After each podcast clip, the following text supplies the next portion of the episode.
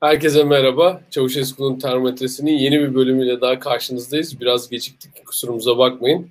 Ee, bugün ufak bir değişikliğimiz var. Ee, Doğan Hoca var bugün Bilgehan Hoca yerine. Doğan Hocam hoş geldiniz. Hoş bulduk. İlkan her zamanki gibi burada. Nasılsın İlkan, iyi misin? İyiyim. Peki yani biz peki bu gecikmeyi neye borçluyuz? Soruyorlar. Ee, bir, bir yandan da bu değişikliği niye borçluyuz onu da soruyorlar. Her çok fazla soru var bize. Burak evet. sen biraz onları izah et istersen. evet. Ee, bugün bugün şöyle bir şey oldu. Ee, Bilgehan hocamızın önemli bir işi çıktı. Bir e, dostunun sanırım bir e, şeyine gitmiş, düğününe gitmiş olması lazım. E, o yüzden bugün burada değil. Sanırım gittiği düğünde de sosyal mesafeyi koruyarak gitmiştir. Hı hı. O yüzden merak etmeyin bir dahaki bölümlerde evet. yanımızda olacak. Yani e, Ve, bunu göz önüne e, alarak e, Patreon e, destekçilerimize hem de Patreon destekçilerimize hani bir çeyrek daha katkı istiyoruz onlardan. evet bir çeyreklik daha katkı yaparsanız e, Bilgi Hanım'da evlenmiş arkadaşına bir ayrımız dokunabilir. E, Doğan Hoca'yı çağırdık çünkü Doğan Hoca aslında bu kültür meselesiyle ilgili çok etraflıca çalışmış bir tarihçi. Ee, işte Kültür Savaşları kitabı var, işte Düne Veda kitabı var vesaire bu tip böyle e, bu konuların uzmanı gerçekten uzmanı yani. E, böyle yalandan e, ya da işte küçükten bir uzmanı değil. E, çok etraflıca uzmanı.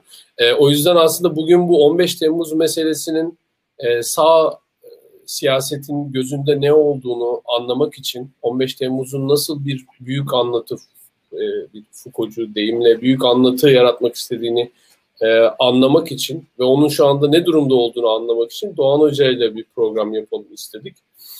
E, o yüzden e, Doğan Hoca ile başlayacağım. E, önce bir şey meselesini konuşmamız lazım. Netflix meselesini konuşmamız lazım.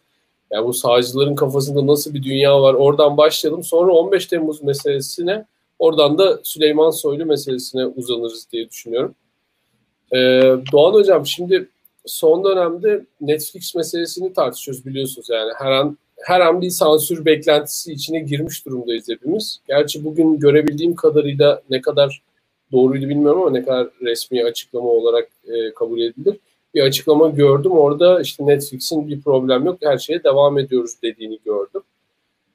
Ama yine de kamuoyunda böyle bir beklenti var yani bazı insanlar e, Netflix'e sansür geleceğini, Rütük'ün e, internet platformlarını denetlemekte biraz daha iddialı çıkışlar yapmaya başlayacağını düşünüyorlar. E, bu meseleye nasıl bakmamız lazım hocam? Mesela siz bekliyor musunuz sizce Netflix'i sansürleyip kapatacak kadar e, delirilir mi? Ne dersiniz? Yani bence sonuçta Netflix ticari bir platform. E, ticaret hesabı üzerinden bir şekilde bence hani kapanma olmadan anlaşılır ama Netflix'te hani gerekli beklenen e, şekilde e, yayın politikasını gözden geçirerek bunu olabileceğini düşünüyorum. Yani burada bence biraz Netflix'in kapı yasaklanması ya da daha e, net bir tavır almasından çok zaten aslında hani bir kere bu platformların öyle ya da böyle açık olarak hani Rütük'le bağlanmış olması ve sadece Rütük'le yasal olarak bağlanmış olması aynı zamanda yasal olmayan hani e, bir şekilde otoritesinin e, daha doğrusu üç üzerinden Türkiye Cumhuriyeti hükümetinin otoritesinin kabul edilmiş olması kendi başına bir e, real durum. Çünkü başında bu internet çağında bize bu alanların tamamen baki, tamamen özgür platformlar olduğundan dem, dem vuruyor, vuruyordu. Fakat bugün bunun e, pek öyle ol, olmayacağını görmüş olduk. E, aslında Netflix tabii çok fazla dizilere sıkıştırıldı. Oysa ki hani Netflix'in işte film imkanları, belgesel imkanları falan varken ve aslında her şey durup durup eşcinselliğe geldi. Oysa Netflix'in tırnak içinde zar, gençliğe zararı eşcinsellikten daha öte.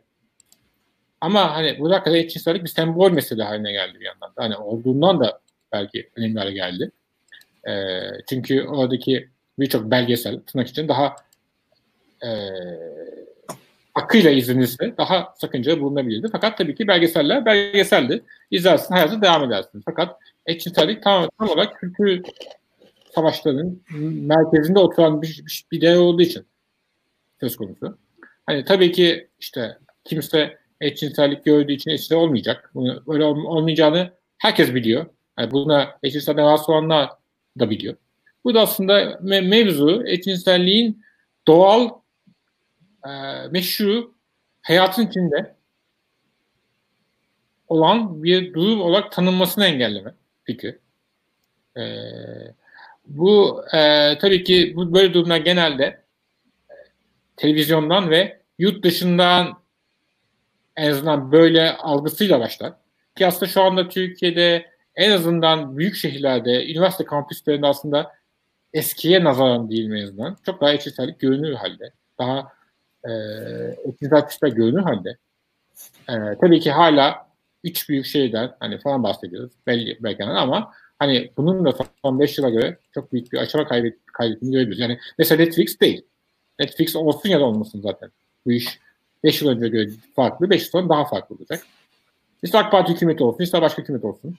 Farklı, farklı olacak. AK Parti olmasa muhtemelen daha hızlı olacak ama süreç olacak. Fakat buradaki aslında e, Netflix üzerinden kopulan eşcinsellik mevzusunun hakikaten düz bakıldığında aşırı komik bir durum olduğunu görüyoruz. Hani her şeyin eşcinsel sıkışı olması. Çünkü hayat içinde çok daha bir alan. Hani sonuçta eşcinsellik e, sadece olanlara bahsetmiyorum. Eşcinselliğin görünür kılanlardan bahsediyorum. Çok daha bir ondan bahsediyoruz. Fakat işte bu bazı meseleler hakikaten bir hassasiyet noktası oluyor. Mesela Amerika'da kürtaj, yani kürtaj çok önemli bir mesele tırnak için hani hayatın içinde kapladığı olarak ama oraya sıkışmış durumda. Eşcinsellik de böyle bir şey ve Netflix'te bunun tam olarak böyle bir ne diyelim e, bayraktarlığı gibi bir hal aldı. E, o yüzden Netflix meselesinin meselesi kendisi değil. E, bu yüzden ne sonuç alınıp alınmayacağı da aslında o kadar önemli değil. Yani bir şekilde aslında orada bir tavır şu. Eşcinsel normalleştiremezsiniz. Eşcinselliği gör, görünü olabilir. Fakat görünü olsa dahi hala sakınılması gereken, uygunsuz olduğu utancıyla e, sürmesi gereken bir halde e, noktasında bir empozisyon çabası. Ha, bunun olamayacağı çok aşikar bir yandan. Ama e, elbette e, Netflix tam olarak kültür savaşlarının bir cephe haline geldi. E, bence mevzu bu yani. Mesela, mesela burada, burada hani Netflix de böyle dediğim gibi özgürlük bayrakları bir platform değil. O da bir ticari platform. E, ama şu artık bu ticari platformda sattığı değer özgürlük bir yandan. Netflix ya da özgürlük derken gençlerin kendi ailelerinden e, ailelerin ve sosyal çevrenin cenderesinden çıkmışlığı bir ticari meta olarak olduğu için orada geri atması da bir yandan bir doğal sınırı olduğunu düşünüyorum. Twitter. Twitter'da öyle bir ticari bir e, şirket. Ama Twitter değeri Twitter özgürlüğünden geliyor. Twitter özgürlüğünü sen biraz esnettiğinizde Twitter'ın marka değeri çok düşecek gibi. Mesela Facebook'un zaten başından beri böyle iddiası yok. Facebook daha çok bir aile paylaşım platformu olarak kendi noktaya geldi Zuckerberg. İlk, ilk başında zaten Facebook çıktığı zaten bu kadar bu kadar tartışma ateşi de değildi ama tartışma ateşlendiği zaman Facebook'ta hani bunlardan tamamen uzak durma tavrı aldı. Öte bir şekilde çok daha politik ve fikir önemli olan bir yer olduğu için bu marka değeri dediğinde Netflix'te böyle marka değeri var. O yüzden Netflix'te hani her şey evet diyecek olduğunu düşünmüyorum. Çünkü marka değeri bu. Fakat en son anlaşıldı. Fakat dediğim gibi mesela Netflix'in kendisi değil. Bu çatışma her türlü devam edecek. Netflix sadece bunun görünür olduğu için kıymetli. Yoksa görün, görünmeyen yerde zaten süreç işliyor. Şimdi ben birkaç şey söylemek istiyorum burada. Ee, biraz lafa da girerek. Ee, birincisi Türkiye'de aslında e, hani genel olarak entertainment sektöründe eşcinseller aslında eskiden beri görünürdü. Ama bu görünürlük kendi içerisinde bir sansürü içeriyordu. E, bu e, bu açıdan eşcinsellik ve Netflix üzerine biraz düşünmek, biraz konuşmak gerekir diye düşünüyorum ben. Şöyle devam edeyim. E, bakarsanız klasik Türk e, televizyonunda, sinemasında eşcinsel karakterin kendisi bir karikatürdü. E, Netflix'in anlatısında eşcinseller baktığınız zaman ya arkadaşınız, amcanız, teyzeniz, işte bakkalınız haline geldi. Bir defa bunun yarattığı bir rahatsızlık olduğunu düşünüyorum ben. Yani bakarsanız 1990'ların 80'lerin Türk televizyon dizilerindeki filmlerindeki eşcinsel karakterlerin yani e, e, altı çizilmiş, abartılmış ve karikatür hallerinin kendisi Türkiye'de bu kadar rahatsızlık yaratır mıydı? E, dürüst olmak gerekirse belli bir rahatsızlık yaratırdı ama bu rahatsızlığı yaratmazdı. Bu açıdan Netflix'i geçmişten daha farklı bir yere koyuyorum ben. Yani e, onu söylemek lazım. Yani Netflix'in bir anlatı tarzı olarak yani bir dil olarak başka bir yeri ifade ettiği açık. Yani orada e, oradaki eşcinseller e, bakarsanız şey mesela atıyorum e, savaş uçağı pilotu eşcinsel e, çok rahatsız edicidir. E, mesela en basitinden. Yani bir e, kuaför yamağı eşcinsel falan değil ya yani. veyahut da işte zaten e, kendisini saklayan veyahut da aşırı karikatür hareketler yapan değil. Bir defa e, bunu söylemek lazım burada. E, ve Netflix'e olan tepki de tabii ki bence e, ben de katılıyorum. Daha önceki yayınlarda da söylemiştik. Yani birazcık dışarıdan ithal bir tepki ama yüzde yüz de e, manasız, anlamsız bir tepki olduğunu düşünmüyorum. E, bu açıdan e, bir e, aslında izlek var. Orada e, birebir kendilerinin gördükleri şeylerden yani hani e, orada görülen eşcinsellikten yani Netflix'te gözüken eşcinsellik pornografik kısmı olarak söylemiyorum ama oradaki normalleşmiş eşcinsellik yani sıradanlaşmış eşcinsellikten daha fazla rahatsız olduklarını sıradanlaşmış şekilde anlatılmasından rahatsız olduklarını yani mesela atıyorum mesela eşcinselliğin bir dizide var olmasından ama anlatılmamasından bile rahatsız olduklarını yani orada gösterilen şeyin olmamasından orada sıradanlaşmış halinden rahatsız olduklarını düşünüyorum bir defa. Yani bunun e, bunun önemli olduğunu düşünüyorum. Ha, e, ne olur Türkiye'de yani belli noktaya kadar e, bir şekilde engellenmeye çalışılır. Türkiye'de e, Türkiye'de devletin gücü var. Türkiye'de sansür diye bir şey var. Türkiye'de bakarsanız e, yani ben e, kendi yaşadığım zaman içerisinde e, nasıl yayınların sansürlendiğini gördüm. E, belli ölçülerde başarılı da olur. E, ama bu sansürün e, başı sonu ne olursa olsun e, sınırı olduğunu düşünüyorum ben. Dünyada da bakarsanız sansürcü hareketler oldu. Dünyanın da bir gidişi var. Bu gidişin değiştiğini düşünüyorum ben. Kolay kolay geriye dönüş olacağına inanmıyorum. Yani yavaşlatılabilir, gidişi yavaşlatabilir bu tarz hareketler. Etkili de olur o yavaşlatma anlamında ama e, yolu doğrultuyu değiştirebileceğine inanmıyorum. Netflix üzerinde bakarsanız hükümetin hep söylüyorum medyaya yaptığı ciddi bir yatırım var. Medyaya yaptığı ciddi yatırımdan bir şekilde ama bu e, sızan bu yatırımın kapsayamadığı alanlar giderek artıyor. Bunun bir ucu internet, sosyal medya, bir ucu Netflix oluyor mesela bakarsanız. Yani bu hükümetin öyle ya da böyle Hürriyet gazetesi, Hürriyet grubu satın alındı 800 milyon euroya. Do- dolar euro hatırlamıyorum da hani e, sabah e, milyar dolara alındı. Ya bunlar milyar dolarlık, milyarlarca dolarlık yatırımlar yapıldı. TRT'ye harcanan paralardan bahsetmiyorum bile. Yani bakarsanız. Veyahut da diğer yandaş şirketlere TMSF, BDTG aracılığıyla el kondu vesaire ondan yandaşlaştı. İşte bir yandan Star Media grubu vesaire bunlar hepsine bak alt alta koyarsanız dergileri şunlara bunlara milyarlar milyarlarca dolar harcandı. Ama bugün o kadar harcanan milyar doların dışında birisi Netflix diye bir platform kuruyor. Yani ve milyonlar bir kenardan sıyrılı veriyor. Bu sıyrılma halinden e, bir defa hani aldığı verdiği verimliliği açısından harcadığı paranın verimliliği açısından hükümetin rahatsız olduğu açık. Bunu bir şekilde kontrol altında tutmak istiyor. E, bu, bu burada da şöyle bir durum var. Hani hep söylüyoruz ya dil önemli, söylem kurmak önemli. Netflix'te öyle ya da böyle siyasi bir alanda değil ama en azından e, şöyle söyleyeyim eğlence entertainment alanında bir şekilde bir yeni bir dil kuruyor. O kurulan dil e, tırnak içinde söyleyeyim. Mesela Türkiye'deki dizilerdeki dil nedir? Ataerkil bir dildir mesela. Orada e, yani ne sağlar? İşte sen benimle işte toprak olursun, sen benim bilmem nemsin falan. Bir şekilde orada o, o ataerkilliği tekrar üretilir mesela o, o dizilerde. E, ve hatta işte atıyorum mesela Türk dizilerinde kadınların e, karakterleri daha böyle e, fitne fücür falan çizilir. O bir şekilde o alttan bir dil hani kadına bir şey kimlik atanır, erkeğe bir kimlik atanır. O kimlik atanma hali tekrar üretilir. Şimdi bu tarz e, Netflix gibi yap, e, farklı alanlardan içerik alan e, platformlar sayesinde yeni bir dilin atanma ihtimali var. Ve bu dil de hani farklı bir dil daha doğrusu atanma hani atanabilir. İlla siyaseten konuş hani hep ben diyorum ya siyasi olarak biz konuşalım. Her muhalif konuşsun gibi. Bu da aslında eğlence alanında e, yeni kültür kodlarının e, yayılmasının yollarından bir tanesi de bu diziler diye düşünüyorum. O açıdan e, çok anlamsız da görmüyorum. Burada burada bir gerçek tepki var. Yani e, en basitinden mesela aile reisi. Hani ataerkillik falan diyoruz. Mesela aile reisi denen kavram. Mesela hani yarın bir gün İstanbul Sözleşmesi konuşacağız. Mesela hani aile reisi denen kavramı siz e, savunmak istiyorsanız erkeğin aile reisi olduğunu bunun mesela buna ters diziye de karşı olmanız çok tutarsız değil o, o yüzden. Biraz öyle söyleyeyim ben. E, şimdi birazcık daha devam edelim mi? E, burada Netflix e, gibi yapımlar üzerinden e, tepkilerin artacağını, sistematikleşeceğini düşünüyorum. Tabii ki Netflix e, muhtemelen Türkiye'ye belli ölçüde uyacaktır. Bir e, belli ölçüde sızıntılar olacaktır. Mesela hani e, bu platformlarda birazcık vakit geçirenlerin bildiği çok daha ekstrem şeyler var aslında ama insanlar izlemedikleri için bilmiyorlar aslında. Yani oradan bu, bu da e, eşyanın tabiatı gereği o sızmalar her yerden olacaktır diye düşünüyorum. Yani hani en çok izlenen dizilerden örnekler veriliyor. Komik aslında. O diziler en masum her çerçevede bile. Onun birçoğunu bilmiyorlar bile. Ee, öyle söyleyelim. Ee, burada şöyle söyleyeyim. E, bir de bir de yani şunu da şunu da söylemek lazım bence ya. Bu Netflix'ten bahsederken sanki e, LGBT haklarını savunmak için organize olmuş bir sivil toplum kuruluşundan bahsediyormuş gibi konuşuyor insanlar. Yani hükümet kanadı.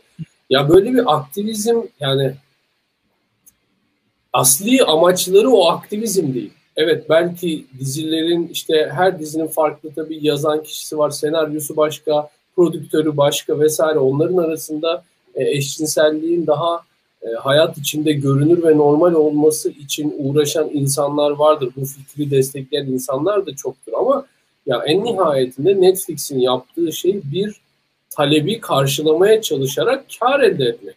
Yani bunu göz ardı etmemek lazım. Burası bir ticari işletme. Bu insanlar, Türkiye'de 2 milyon insan abonesi var Netflix'in. 2 milyon tane insan Netflix'in ürettiği şeyleri izlemek istiyorsa Demek ki yani 2 milyon insanın izlediği şeylerde de eşcinsellik öğesi de varsa ve normal bir şekilde gösteriliyorsa bu insanlar da ondan bu kadar irite etmiyorlarsa irite olmuyorlarsa ya belki de yani bunu artık kabullenmek gerekir diye düşünüyor insan tabii ama e, yani bu dediğim hani, sözü kestim de çıplaklık Buyurun. yani ilk 1930'larda işte kadın e, e, topuğunun gözükmesi skandal yatıyordu.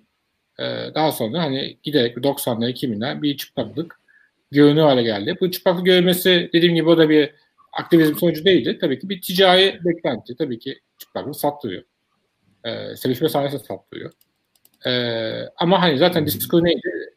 E, ticari hayat başka. Ticari hayat meşru. Siyasi hayat meşru değildi. Böyle bir diskur da var Türkiye'de hatta. Değil. Ama zaten ticari olan bu yere sevk ediyorsa e, bu da aslında paradoksal bir durum ortaya çıkıyor. E, hani çıplak ne olumlanan bir şey, ne olumsuzlanan bir şey ama diyelim ticari bir amaçla. Ama ticari akım e, bunu e, gerektiriyor bir. Ama burada da doğal sınırlar var. Bu hani çıplaklık sattığı her türlü altta daha da daha çıplak daha çok sattığı fakat bir yandan da her markanın diyelim e, bir değerini koruması, bir itibarını koruması için de bunun sunumu ve dozu konusunda kendi zaten bir sınırları ve olacaktı. İzleyen insanlar için de tutup da hani e, alenen pornografik bir şeyin de doğal bir e, sınırı olacaktı. Ama demek ortalama izleyici gözünde normal kabul edilen çıplaklık e, 30-40 yıl içinde yükseldi. Ha bunun ötesine de geçmek durumunda değil. E, çünkü o da evet. e, maksimize edilen izleyici kitlesini dağıtacaktı. E, cinsellik meselesi de böyle. Yani bu ticari mantıkla bakarsak. Hani e, bu kadar Türkiye'de ve dünyada bu kadar milyonlarca izleyici olan platformda kendi zaten e, deneme yığılmayla ya da öl, öncesinde ölçtüğü muhtemelen denek gruplarında bir doğal e, anlatım bütünlüğü var. E, ticari olarak demek 2 milyon Türkiye'de izleyici ulaşan şey. Bunu getiriyor demek Türkiye'de 2 milyon kişi için. Bu e, makul, cazip ya da en azından evet. e, bir e, durum. E, o yüzden madem hani siyasetli ticaret meşru o zaman hani Netflix'in ticareti bu, bu şekilde. ya, insanlar para almak anlamına geliyor bir yandan ben. Demek hani insanlar e, bunda herhangi bir sorun, te, sorun yaşamıyorlar. Evet. 2 milyon bu arada tekil kullanıcı sayısı evet. yani onu da 4 kişi kullanıyor falan. Belki Hiç olmadan da korsan izleyenler falan da olduğu zaman daha da büyük rakam. Evet. evet. İlkan bir şey söylüyordun sanki. Ya çok ekstra bir şey söylemiyordum ama e, bir defa şeyi e, de ortaya koymak lazım. Mesela biz burada mesela hani ahlak diyoruz ya aslında yani bu dünyada da bu normlar zaman içerisinde değişiyor. Bunu söylemek lazım. Mesela atıyorum ya 1960'larda 70'lerde çekilen filmler için hayvanlar patır kütür öldürülüyordu. Ve bunlar o zamanki dünyada da bunu bunu yani tabii ki buna, buna o zaman da karşı çıkan insanlar vardı ama bir şekilde o, o an yapılabiliyordu. Bugün ya kolay kolay o 60'lardaki 70'lerdeki hatta 80'lerin başındaki filmlerde olduğu gibi atları falan öldürdükleri filmler çekemezsiniz siz yani imkansız öyle bir şey. Veyahut da atıyorum e, bugün ya mesela 18 yaşından küçük insanların cinselliklerinin sergilendiği e, filmler 70'lerde 80'lerde falan çekildi dünyada açıkçası. Çocuk pornosu vesaire konusunda duyarlılık o zaman böyle değildi. Mesela bu duyarlılık değişti zamanla. Hani böyle söyleyeyim. Veyahut da şimdi eşcinsellik konusunda da bakmayın siz eşcinselliğin mainstream'e girişi de gözümüzün önünde değişerek oldu. Yani burada da hatta e, hani hep verdiğim klasik örnektir yani Philadelphia filminde yani Philadelphia filmin Oscar'lı filmdir. Ee, herkese tavsiye ederim açıkçası. Tom Hanks'in e, Denzel Washington'ın oynadığı hatta Antonio Banderas'ın da Tom Hanks'in eşcinsel sevgilisini oynadığı filmdir. Ee, burada ya bu filmde mesela e, asıl eşcinseller arasındaki ve gay e, hikaye e, ace hikayesini anlatmak için bile bir yandan filmde insanların özdeşleşebilmesi adına oraya e, adam gibi adam Denzel Washington'ı e, heteroseksüel avukat diye koymak durumunda hissetmişler. Mesela 90'larda böyle anlatılır hikaye. Anlatabiliyor muyum? Şimdi mesela şu an şu an aynı hikaye öyle anlatılmayacaktı. Ace olmuş bir üst düzey yöneticinin hikayesini anlatmak için o, oraya Denzel Washington'ı koymaya gerek hissetmeyecekti. Gerek duymayacaktı şu an belki senaristler. Ama 90'larda oraya Denzel'i koyarak anlatabiliyorsunuz. Şimdi burada da mesela ama adım adım başka bir normla başka bir anlatının alanı da açılıyor. Ee, şu an tabii ki Türkiye'de bir tepki var. Bu tepkinin etkisi en azından muhafazakar tepkinin etkisi olmaz demiyorum olacaktır ama e, doğrultuyu değiştirebilecek ölçüde bir tepki e, oluşabileceğini veyahut da yeni bir dil oluşturabileceğini zannetmiyorum. Dünyanın gidişi bu noktada belli yöne doğru. Ha, burada da şey vardır hani ya fazla mı altı çiziliyor az mı altı çiziliyor şu oluyor bu oluyor bunun e, bir noktası var bir noktaya kadar da e, gelecektir orada da hani kendi dengesini hayat bulur diye düşünüyorum. Bir de şu evet, aslında muhafazakar kısmını batıyoruz bence eşcinsellik meselesinde muhafazakar elbette muhafazakarla rahatsız olduğu aşikar fakat bazı kuşaksal bir durum. Yani Hı-hı. hiçbir CHP uyatan hatta HDP uyatan diyelim 50 yaş üzeri hatta 45 yaş üzeri insanın evet. Netflix filmlerinden hiçbir şekilde olumladığını hoş bakmadığını, hoş baktığını düşünmüyorum. Düş bakmıyorlar yani. Daha doğrusu evet. en e, müsamahakar olmaya çalışan bile için başka bir dünya. Hı hı. Yani bunu evet. bir muhafazakar meselesine indirgemek de yanlış. Ee, evet. Ki muhafazakar cami için de bu geçerli. Yani 30 yaşındaki muhafazakar yani bu çok tepkisel bir, bir yerine, bir yerine tepki için böyle çok e, nefretle dolmuş şeyden bahsetmiyorum. Hani ortalama muhafazakar hassasiyetli olan fakat herhangi bir tepki, tepkisel olmayan 30 yaşındaki insanın içinde doğduğu dünya ile 50 yaşındaki muhafazakarın doğduğu dünya da ayrı. Ama şu var, 50 yaşında diyelim muhafazakar olmayan insanlar, e, sol tandanslı veya merkez, merkezi tandanslı insanlar bunu belki mesele etmiyorlar ya da mesele etmek istedikleri hali susmasını, sus, susmayı tercih ediyorlar. Rahatsızlıklarını de getirmenin e, dil bilmedikleri için vesaire. Fakat muhafazakarlar için bu bir bay, bu bir bayrak, açılması gereken bir bayrak. Aslında evet. burada biraz da hani meseleyi bu konuya çekmekten öte muhafaza şey meselesine girebiliriz. Yani daha kuşaksal olarak düşünmemiz lazım. Ee, hani burada belki e, ve aslında tabii ki yaşlı kuşağın Türkiye çok az olduğundan bahsedebiliriz. Hani 60 yaş üzeri Türkiye'de çok az insan yaşıyor.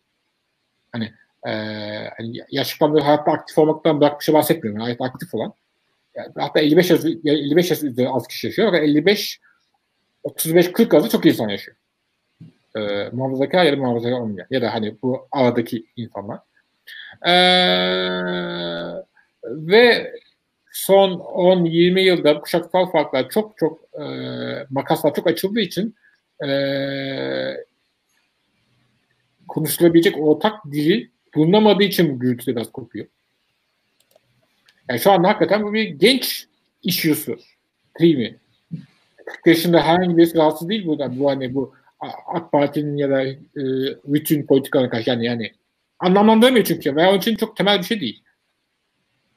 Yani 25 yaşındaki bir insanda eşcinselliği olduğu için ya eşcinselliğe olmadığı için de değil. Fakat onun özgürlük alanında saldığı algısı için çok daha real bir şey. 45 yaşındaki bir adam için yani eşcinsellik varsa buna da belki çok müsamaha edilmemesi çok daha kötü fikir değil. Fakat mesela biz duymuyoruz. Çok hani böyle 25 yaşında böyle bir Twitter kullanıcısı bir tarafta 60 yaşındaki muhafazakar arasında bir çatışmadan bahsediyor. Aslında böyle değil. Fakat aslında şu an reel olarak sosyolojik karşı olarak sadece bu iki kutup Diğerlerinin sesini duymuyoruz. Hani belki de önemli olmadığı için duymuyoruz. Yani çok önemli şu anda 45 yaşında 50 yaşındaki bir e, sol kökenli bir insanın fikri çok önemli değil şu an. Karşılığı yok şu anda. Evet, evet doğru. Bir 30 oturmuyor yani. Işte.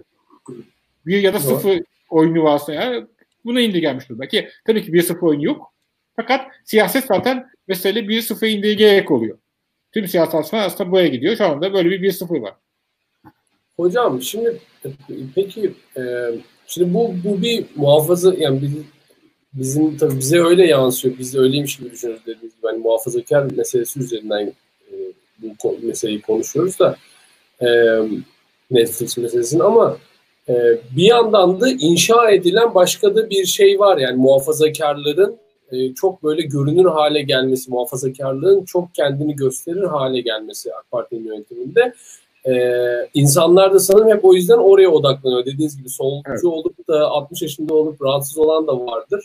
Çünkü yani Türkiye'de 60 yaşındaki ama siyasetten onun rahatsızlığının bir önemi yok ama AK Parti'nin siyasi rahatsızlığı önemi var. Yani öneminin siyasi karşılığı. Aynen öyle.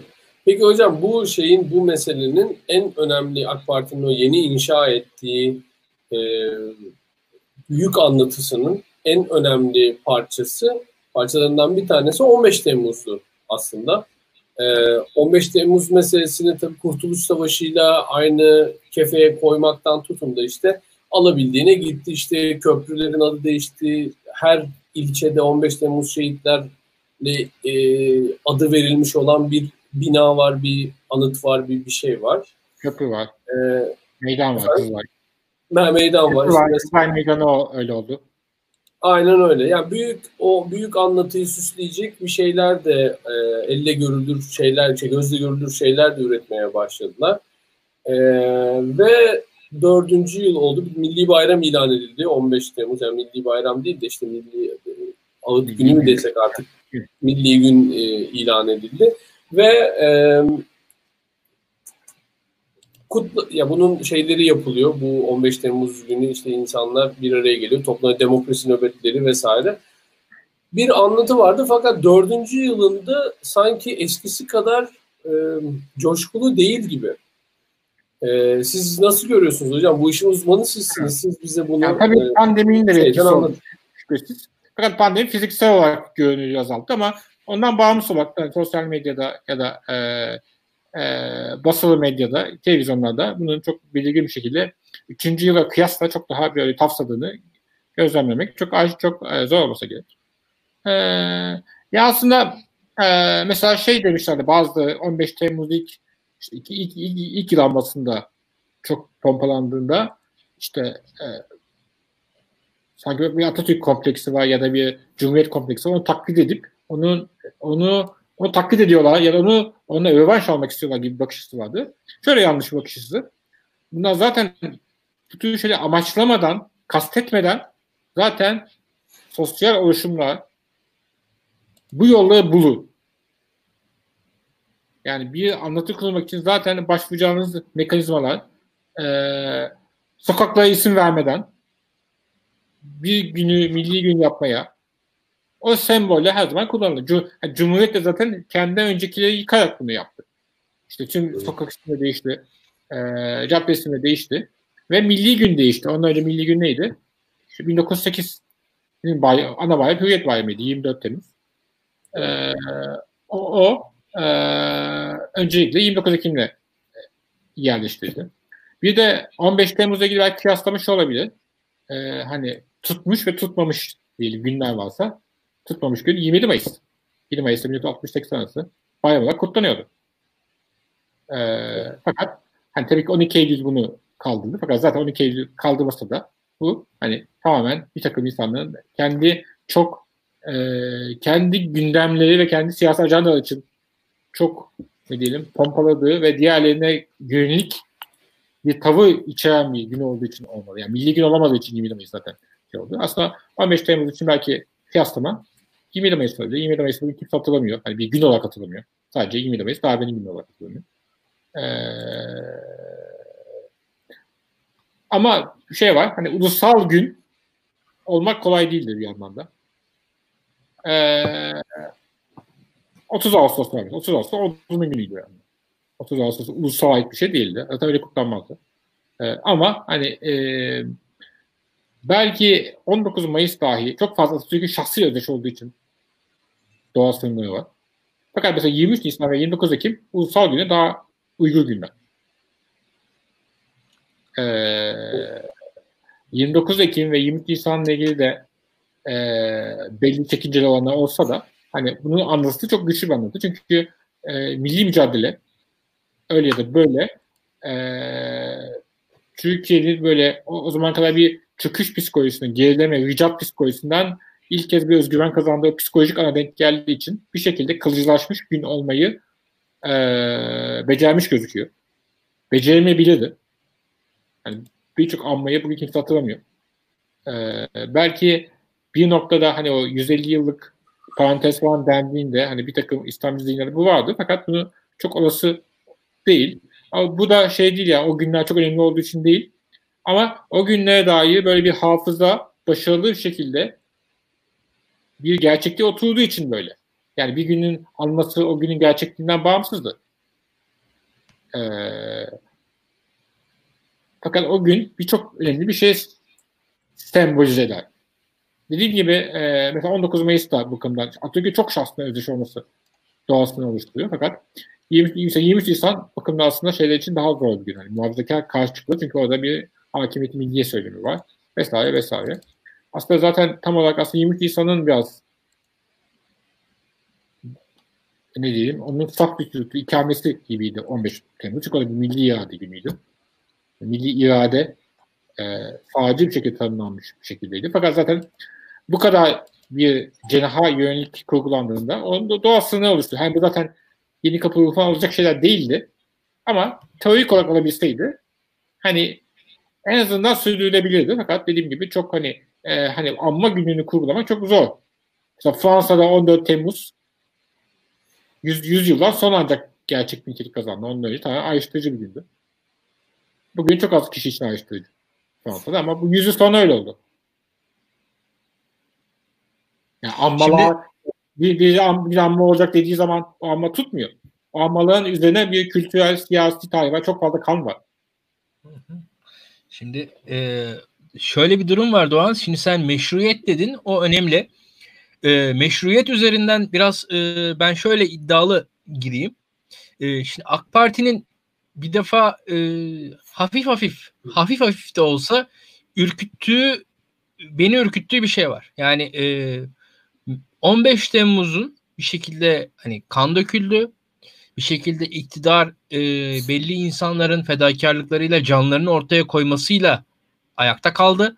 Bir şekilde fiziki bir saldırıyla e, saldırıya maruz kaldı ve ayakta kaldı ve bu ayakta kalmanın kendisi iktidarın meşruiyet kaynaklarından birisi olarak eklendi.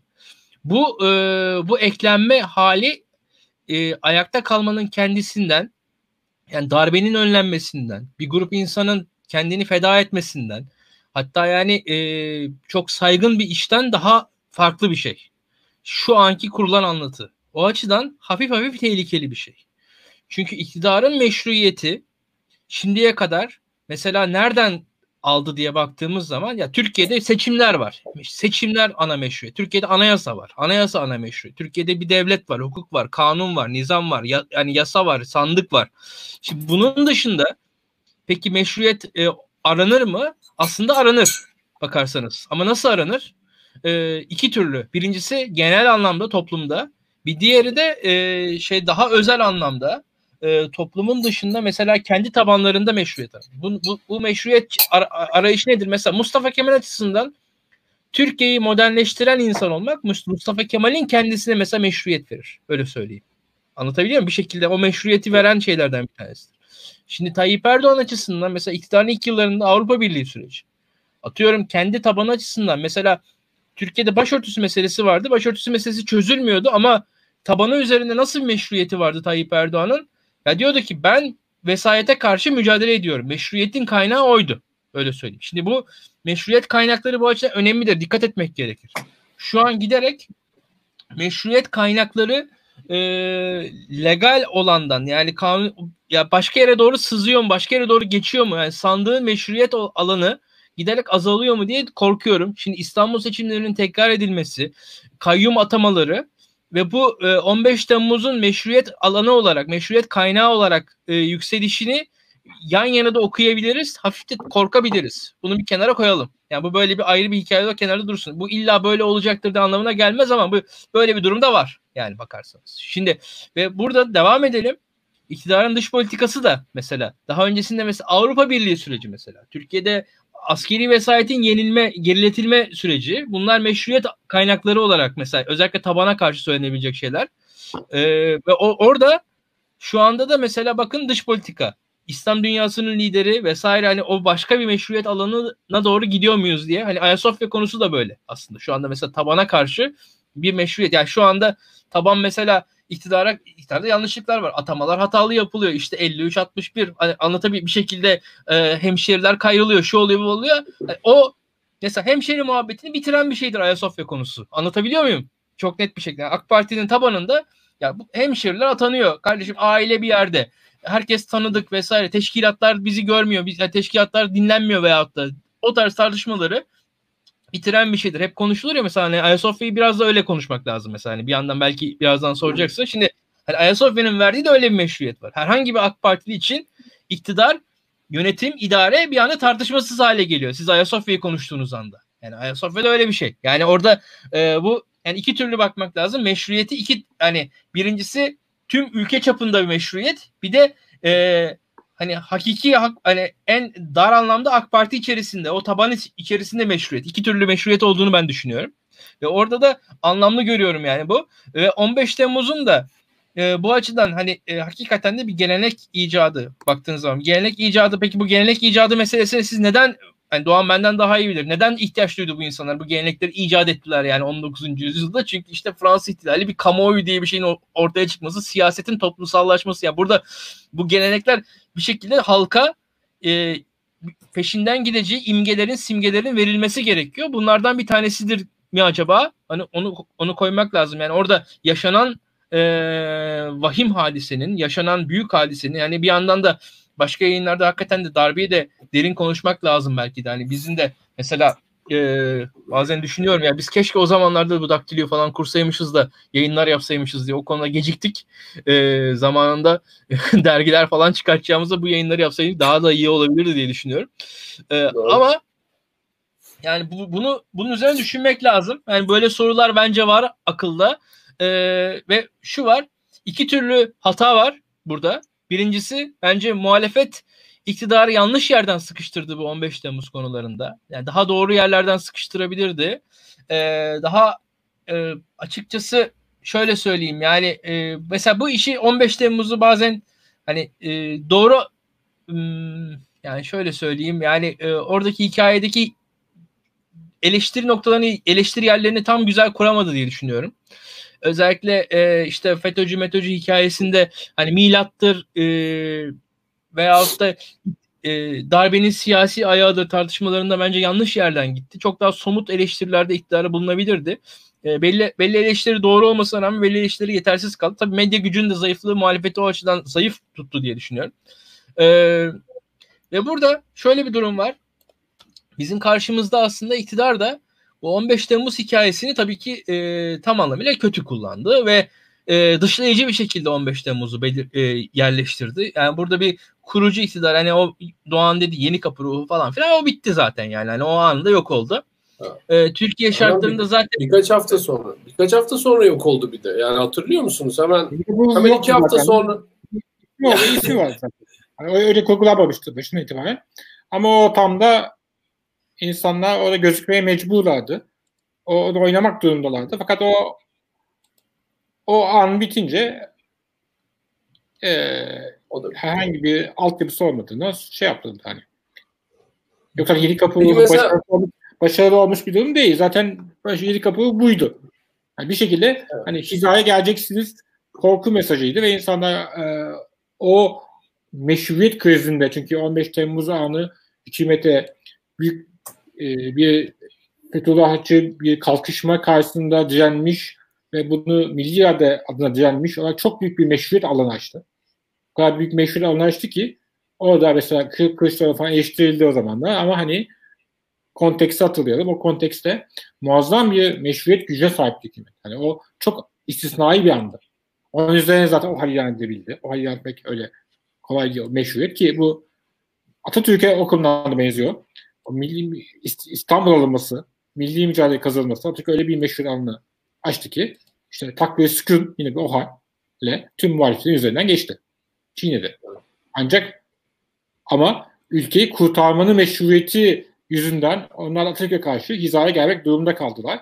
Ona rağmen idamlar falan engellenemedi. Hani işte iddiaçlar orada anlayamadılar belki o sırada. Yani pazarlık yapacağını düşünen Mustafa Kemal'le yoktu yani. Öyle bir kadar güç kazanmış bir adam pazarlık yapamaz. O yüzden de kelleyle gitti. Aslında bugün biraz da bizim muhalefetin kelleleri de öyle gitti gibi geliyor bana. Bu bu kadar güç kazanmış birisi. Hatta bugün hocam e, bugün mesela o Cemal Engin yurttu sanırım. Onun ihraç edildiğini gördüm. Eşe partiden kesin ihraç talebiyle disipline sevk edilmiş. Yani e, MHP'liler de şeyi düşünüyorlar. E, MHP tabii bir gelenek partisi neticede. Ülkücülerin uzun yıllar ülkücülük yapmış insanlar partide milletvekilliği yapıyorlar. E, şimdi adam da herhalde dedi ki yani ben eleştirilerimi de söylerim yani ben kaç senelik ülkücüyüm. Yani kafama geleni söylemek benim hakkım diye düşünüyordu. Ama partiden hemen ihraç etmek zorunda kaldılar. Çünkü bu sistem öyle bir şeyi kabul etmiyor yani senin ne geleneğinden gelsen nereden çünkü bu kadar güçlü birisinin olduğu bir sistemde sen e, şey bakanına, tarım bakanına ya bizde fındık meselesini niye bizimle oturup konuşmuyorsun? Biz seninle ortak değil miyiz? Diyemezsin. Sistem ona müsaade etmiyor. Tayyip yani Erdoğan'ın rolün böyle olması gerekiyor. Çünkü Cemal Yengin başka türlü güç kullandığında dedikodu olarak e, çok uzak olmayan kişilerden dinlemiştim. Şu, şu anda. Hmm. Ama orada herkes oynaması gereken bir oyun var. Orada da mutlak bir ne diyelim e, sadakat, mutlak bir hiyerarşi tiyatrosunu oynamak oynama sınırını aşınca bir şey oldu. Aslında zaten biraz siyaset bu zaten. Tiyatro, siyaset aslında biraz da herkesin bir rol oynaması, rolünü oynaması. Gerçekte ne yaptığından bağımsız olarak. Ama işte meşruiyetler de böyle ilan ediliyor. Mesela gerçekte hani çok da insani bir şey bu. Hani insanlar birbirine gülümser, alt, altına birinin altına oymaya çalışıyor. Ee, çünkü onlar da siyaset yapıyordu. Orada birinin açık bir şekilde bir şey bir şey ifşa etmesi e, olağan duruma aykırıdır. Ama Türkiye'de son diyelim o halden sonra özellikle de MHP örneğinde bu çok ekstrem noktada gitti. Yani, yani MHP'yi de siyaset yapıyor ama gör, gör, görünün haliyle tamamen siyasetsizliği ya da tamamen bir demir e, ne diyelim e, tamamen bir bir e, otoriteye boyun eğmişliği rolünü oynaması gerektiği biçilmiş e, ve ona ufak alanda geliştir, geniş, ufak alanda dahi ufak bir genişleme alanına bile tahammül olmamışsın. Hani bir yandan da siyasetin her ne kadar burada bir rol olsa da bir yandan sonra roller gerçeğe dönüyor. Hocam bu e, muhalefette olanların 15 Temmuz meselesinde e, mesafeli olduğunu gözlemleyebiliyoruz. Yani evet. zaten 15 Temmuz daha yeni bir mesele. Bunun milli bir güne dönüşmesi, bütün Türkiye'yi kapsayacak şekilde işte 23 Nisan gibi 19 Mayıs gibi ya da işte hani diğer milli günler gibi herkesi kapsayacak şekilde e, genişlemesi belki zaman alacaktır. Belki de tam tersi ilk başlarda o tazeliğiyle ancak olursa olurdu. Bundan sonra olması belki de imkansız. Ee, yani muhalef... AK Parti tabanına yönelik bir işler gördü evet. ve gördü. Ama şu an evet. altında zaten muhalefet hedeflenmiyordu. AK Parti tabanı hedefleniyordu. Şu anda evet. belki son yılda çok sönük geçmesinin bir sebebi de belki yeni kurulan partiler şu bu farklı dinamikler ortaya çıkmış, çıkmış olması. Çünkü aslında AK evet, yani çünkü... tabanına yönelik bir programcısı, yoksa muhalefete yönelik bir programcısı değildi. Yani onlara şöyleydi, onlara da hizaya gelme mesajıydı. Ama hani isterleştirmesi ya da en azından orada bir rol oynaması beklenmiyordu. Fakat AK muhafazakar camianın son kertede öyle ya da böyle 15 Temmuz da bu tarafta olanlar ve bu tarafta olmayanlar da tarafını seçme mesajıydı. Fakat bu, bu, bu konuda son özellikle son bir yılda artık onu gösterdüğünü gözlemek, gözlemlemek mümkün. Ve şöyle bir şey var ya bunun bu öyle bir durum yarattık. Benim gördüğüm şuydu. 15 Temmuz'la ilgili her şey çok e, elitist bir şekilde halledilmeye çalıştı. Her şey çok yukarıda. E işte ya halka meseleyi tam anlatmadan ne olduğunu tam aslında biz bilmeden yani mesela kim bana e, darbeyi mesela saat saat kim neredeydi, ne yaptı, kim hangi emri verdi şeklinde açık bir şekilde ortaya koyan bir hikaye yok. Darbeye hala kim liderlik yaptı konusunda iddialar var ama e, benim bildiğim kadarıyla henüz e, işte darbenin başındaki adam işte Akın Öztürk için öyle bir şey söyleniyor sanırım ama ya ortada böyle bir karmaşa var. Çünkü süreç hiç e, açık açık yürütülmedi. E, meclis onları orada işte mesela Hulusi Akar yani boğazında iz vardı ertesi gün onu gördüğümüzde. Meseleyle ilgili açık bir şey yani açıkça ne olduğu ile ilgili bir fikrimiz yok. Bize anlatılan ve inanmamızı istenen hikaye var. Fakat muhalifler e, zaten AK Parti o kadar tepkiliydi ki ya bunlar yine zaten bize açıkça bir şey de anlatmıyorlar. Acaba bunlar yalan mı söylüyor gibi bir şeyin içine de kapıldılar. İşte tiyatro meseleleri falan hep çok konuşulan bir şey oldu. Evet. Yani Bunun, bir tabii yukarıdan aşağı edilen bir durumdu. Ee, zaten bir yani yıl sönük etmesi bir sebebi muhtemelen zaten İstanbul ve Ankara belediyelerinin AK Parti olmasından kaynaklanıyordu. Çünkü özellikle İstanbul Belediyesi çok aktifti bu süreçte. Hatta şey 15 Temmuz'dan önce İstanbul e, Büyükşehir Belediyesi'nin işte Kadir Topbaş'ın damadı muhtemelen endişesiyle e, nasıl kutlandı? Yani aynı şekilde Melik Gökçe'nin de hani e, cemaatle yakın ilişkilerinden dolayı kendini aklamak için bu işlerin ne kadar abandığı çok gözüküyordu. Hani ve orada çok kurucu işlem olmuştu. Yine e, İstanbul tabii 15 Temmuz kalkışmasını ve ona direnişin merkeziydi. O İstanbul Belediyesi'nin de haliyle yerel hakimiyeti ve muhafazakar camiaya da e, elini uzanabiliyor olması bu süreci görünür yapan önemli noktalardan bir tanesi. Tabii son e, bu yıl e, İstanbul Belediyesi'nin AK Parti olması da muhtemelen sönük geçmesine bir sebep oldu. Yani çünkü İstanbul aslında bu da çok İstanbul antısıydı. Hani tutup da Uşak'ta ya da Manisa'da değil İstanbul'du mesela. Ankara'da karargahlardı. İstanbul'da çok görünüyor olarak Boğaz'da, e, otoyolda çatışma yaşandı. İnsanlar öldü. İnsanlar öldürüldü. Yani orada bir karşı vardı. Yine İstanbul tabii e, cemaatler ve tarikatların çok merkezi olduğu bir yer. O yüzden onlar da bu süreçte çok aktiflerdi, görünürlerdi. Onlar da bunu e, bu süreçte goy goyunda diyelim ön plandalardı. O yüzden İstanbul Belediyesi'nin elde olmaması muhtemelen o sinerjiyi bozdu diye tahmin ediyorum. Şimdi birkaç şey söyleyeyim ben. Ee, hem 15 Temmuz üzerinden hem de biraz Cemal Engin anlatayım. Güzel olsun, eğlenceli bir şeyler.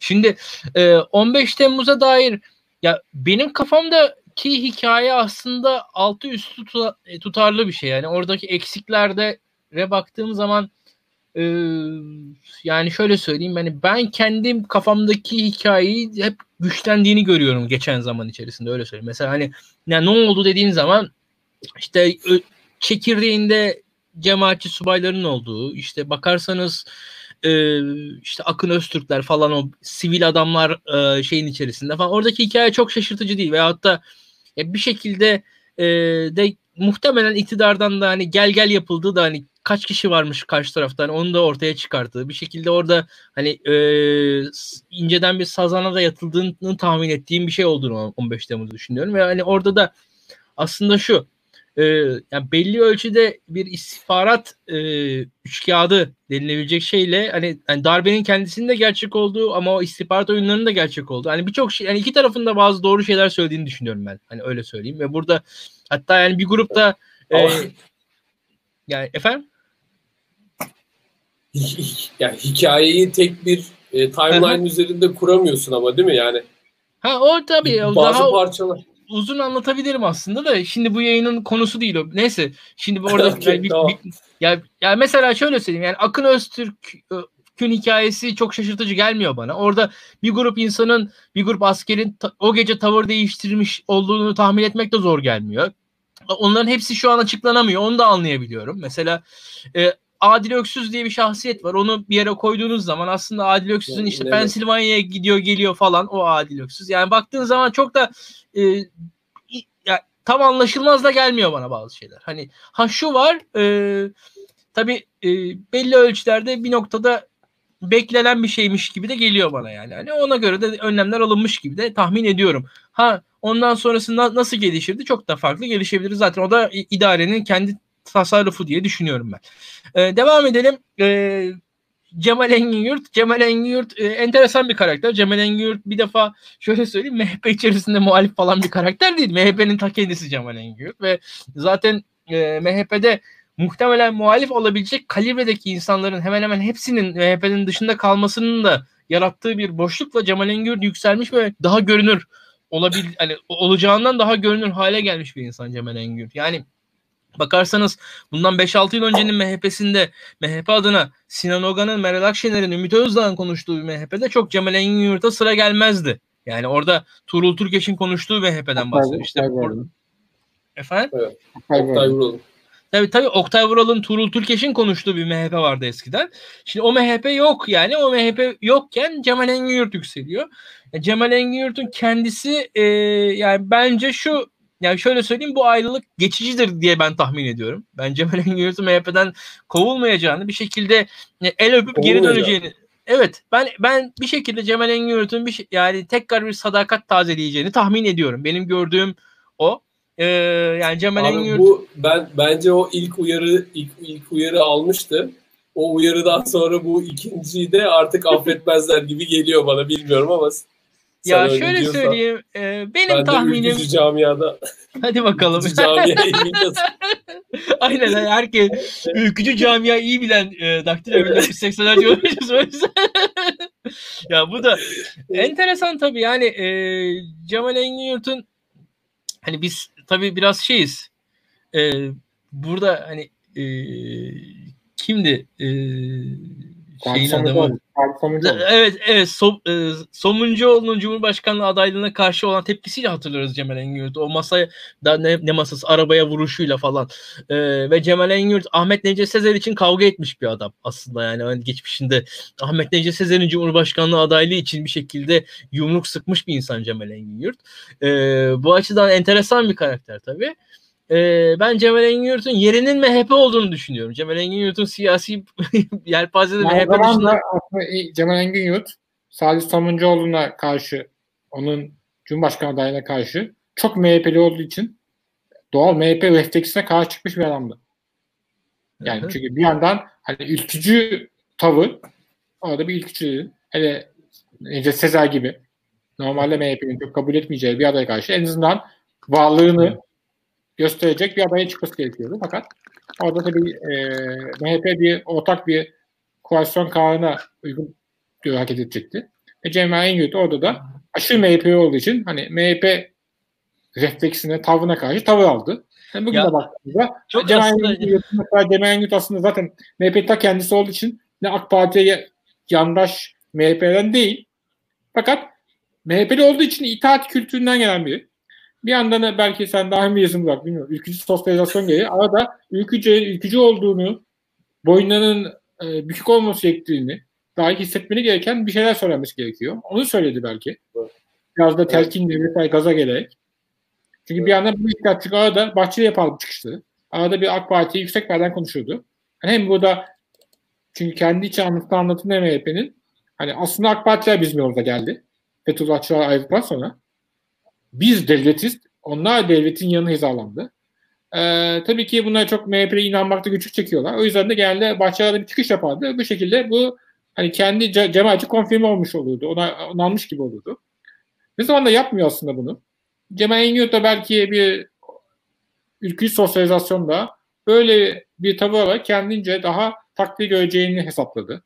Ya da böyle bir ihtiyaca karşılık geldi. Fakat Hocam yani, e, bu arada ben ülkücülerin yani daha daha alt kademe diyeyim yani elit düzeyinde politikada olmayan e, ülkücülerin zaten bu ortaklıkla ilgili rahatsızlıkları olduğunu düşünüyorum. Yani e, ilçe düzeyinde, il düzeyinde özellikle. Çünkü e, sonuçta dağıtılması gereken bir pasta var devlet tarafından ve bu pastadan pay almalarını meşru görüyor MHP'liler. Ve o pastadan yeterince pay almadıklarını da biliyorlar. Ee, onu düşünüyorlar da, o payı da istiyorlar. Ama bir yandan da elit düzeyinde yapılan siyasete de bir şey de söyleyemiyorlar. İtaat etmeleri gerekiyor. Sonuçta e, Bahçeli ne derse o olması gerekiyor. E, geldikleri gelenek dolayısıyla. Fakat e, kendi aralarında böyle bir şeyleri var. Yani ya bu, bu, bu iş ne oluyor ya bizde ya madem böyle ortağız ya Cemal Yeşilyurt'un söylediği bu arada çok makul. Yani e ben diyor Giresun milletvekiliyim. Bu Giresun'da fındık var. Fındık evet. meselesini benle konuşmayacaksın. Kimle konuşacaksın? Yani aslında çok basit. Çünkü Cemal Engin da ya bu adam da milletvekili oldu. Yani e bir zahmet o kadarcık da saygı gösterin ama yeni sistemde tabii o saygıyı da göremiyor. Hiçbir anlamı yok çünkü milletvekilinin. Bunun eksikliği falan da var. Ya aslında çok farklı içine geçerli bu durum bir yandan da. Ha tabii aynen şekilde. Yani o da aynen öyle. O da o, o AK Parti'deki milletvekilleri de söylüyor bunu. Yani AK Partiler kendileri zaten söylüyorlar ya şey züğürt ağaya dönüş döndük diye bir goy goy vardı hatta. Yani gerçekten öyle. Engin Yurt'un söyledi aslında o yüzden bir yandan MHP'nin orta kademe siyasetçilerini de e, de aslında iç dünyasını bence gösteriyor. O, o, o bakımdan öyle okumak da mümkün. Ve bence o yüzden ihraç edilecek. Arada, arada bir çıkış yapılması gerekiyor ama yanlış zamanda ötmüş bir hor gibi oldu. Ya ben e, Burak senin dediğin e, daralan pasta konusunu ciddiye alıyorum. O doğru. O gözüküyor yani. Burada hatta Cemal Engin muhtemelen o daralan pastadan rahatsızdı diye tahmin ediyorum. E, ve o orada belli bir e, kendince haklı talepleri olduğu da açık. E, yani bir hatta yani fındık meselesinde falan da kendini de bayağı yerli milli vesaire konumlamış durumda. Öyle söyleyelim.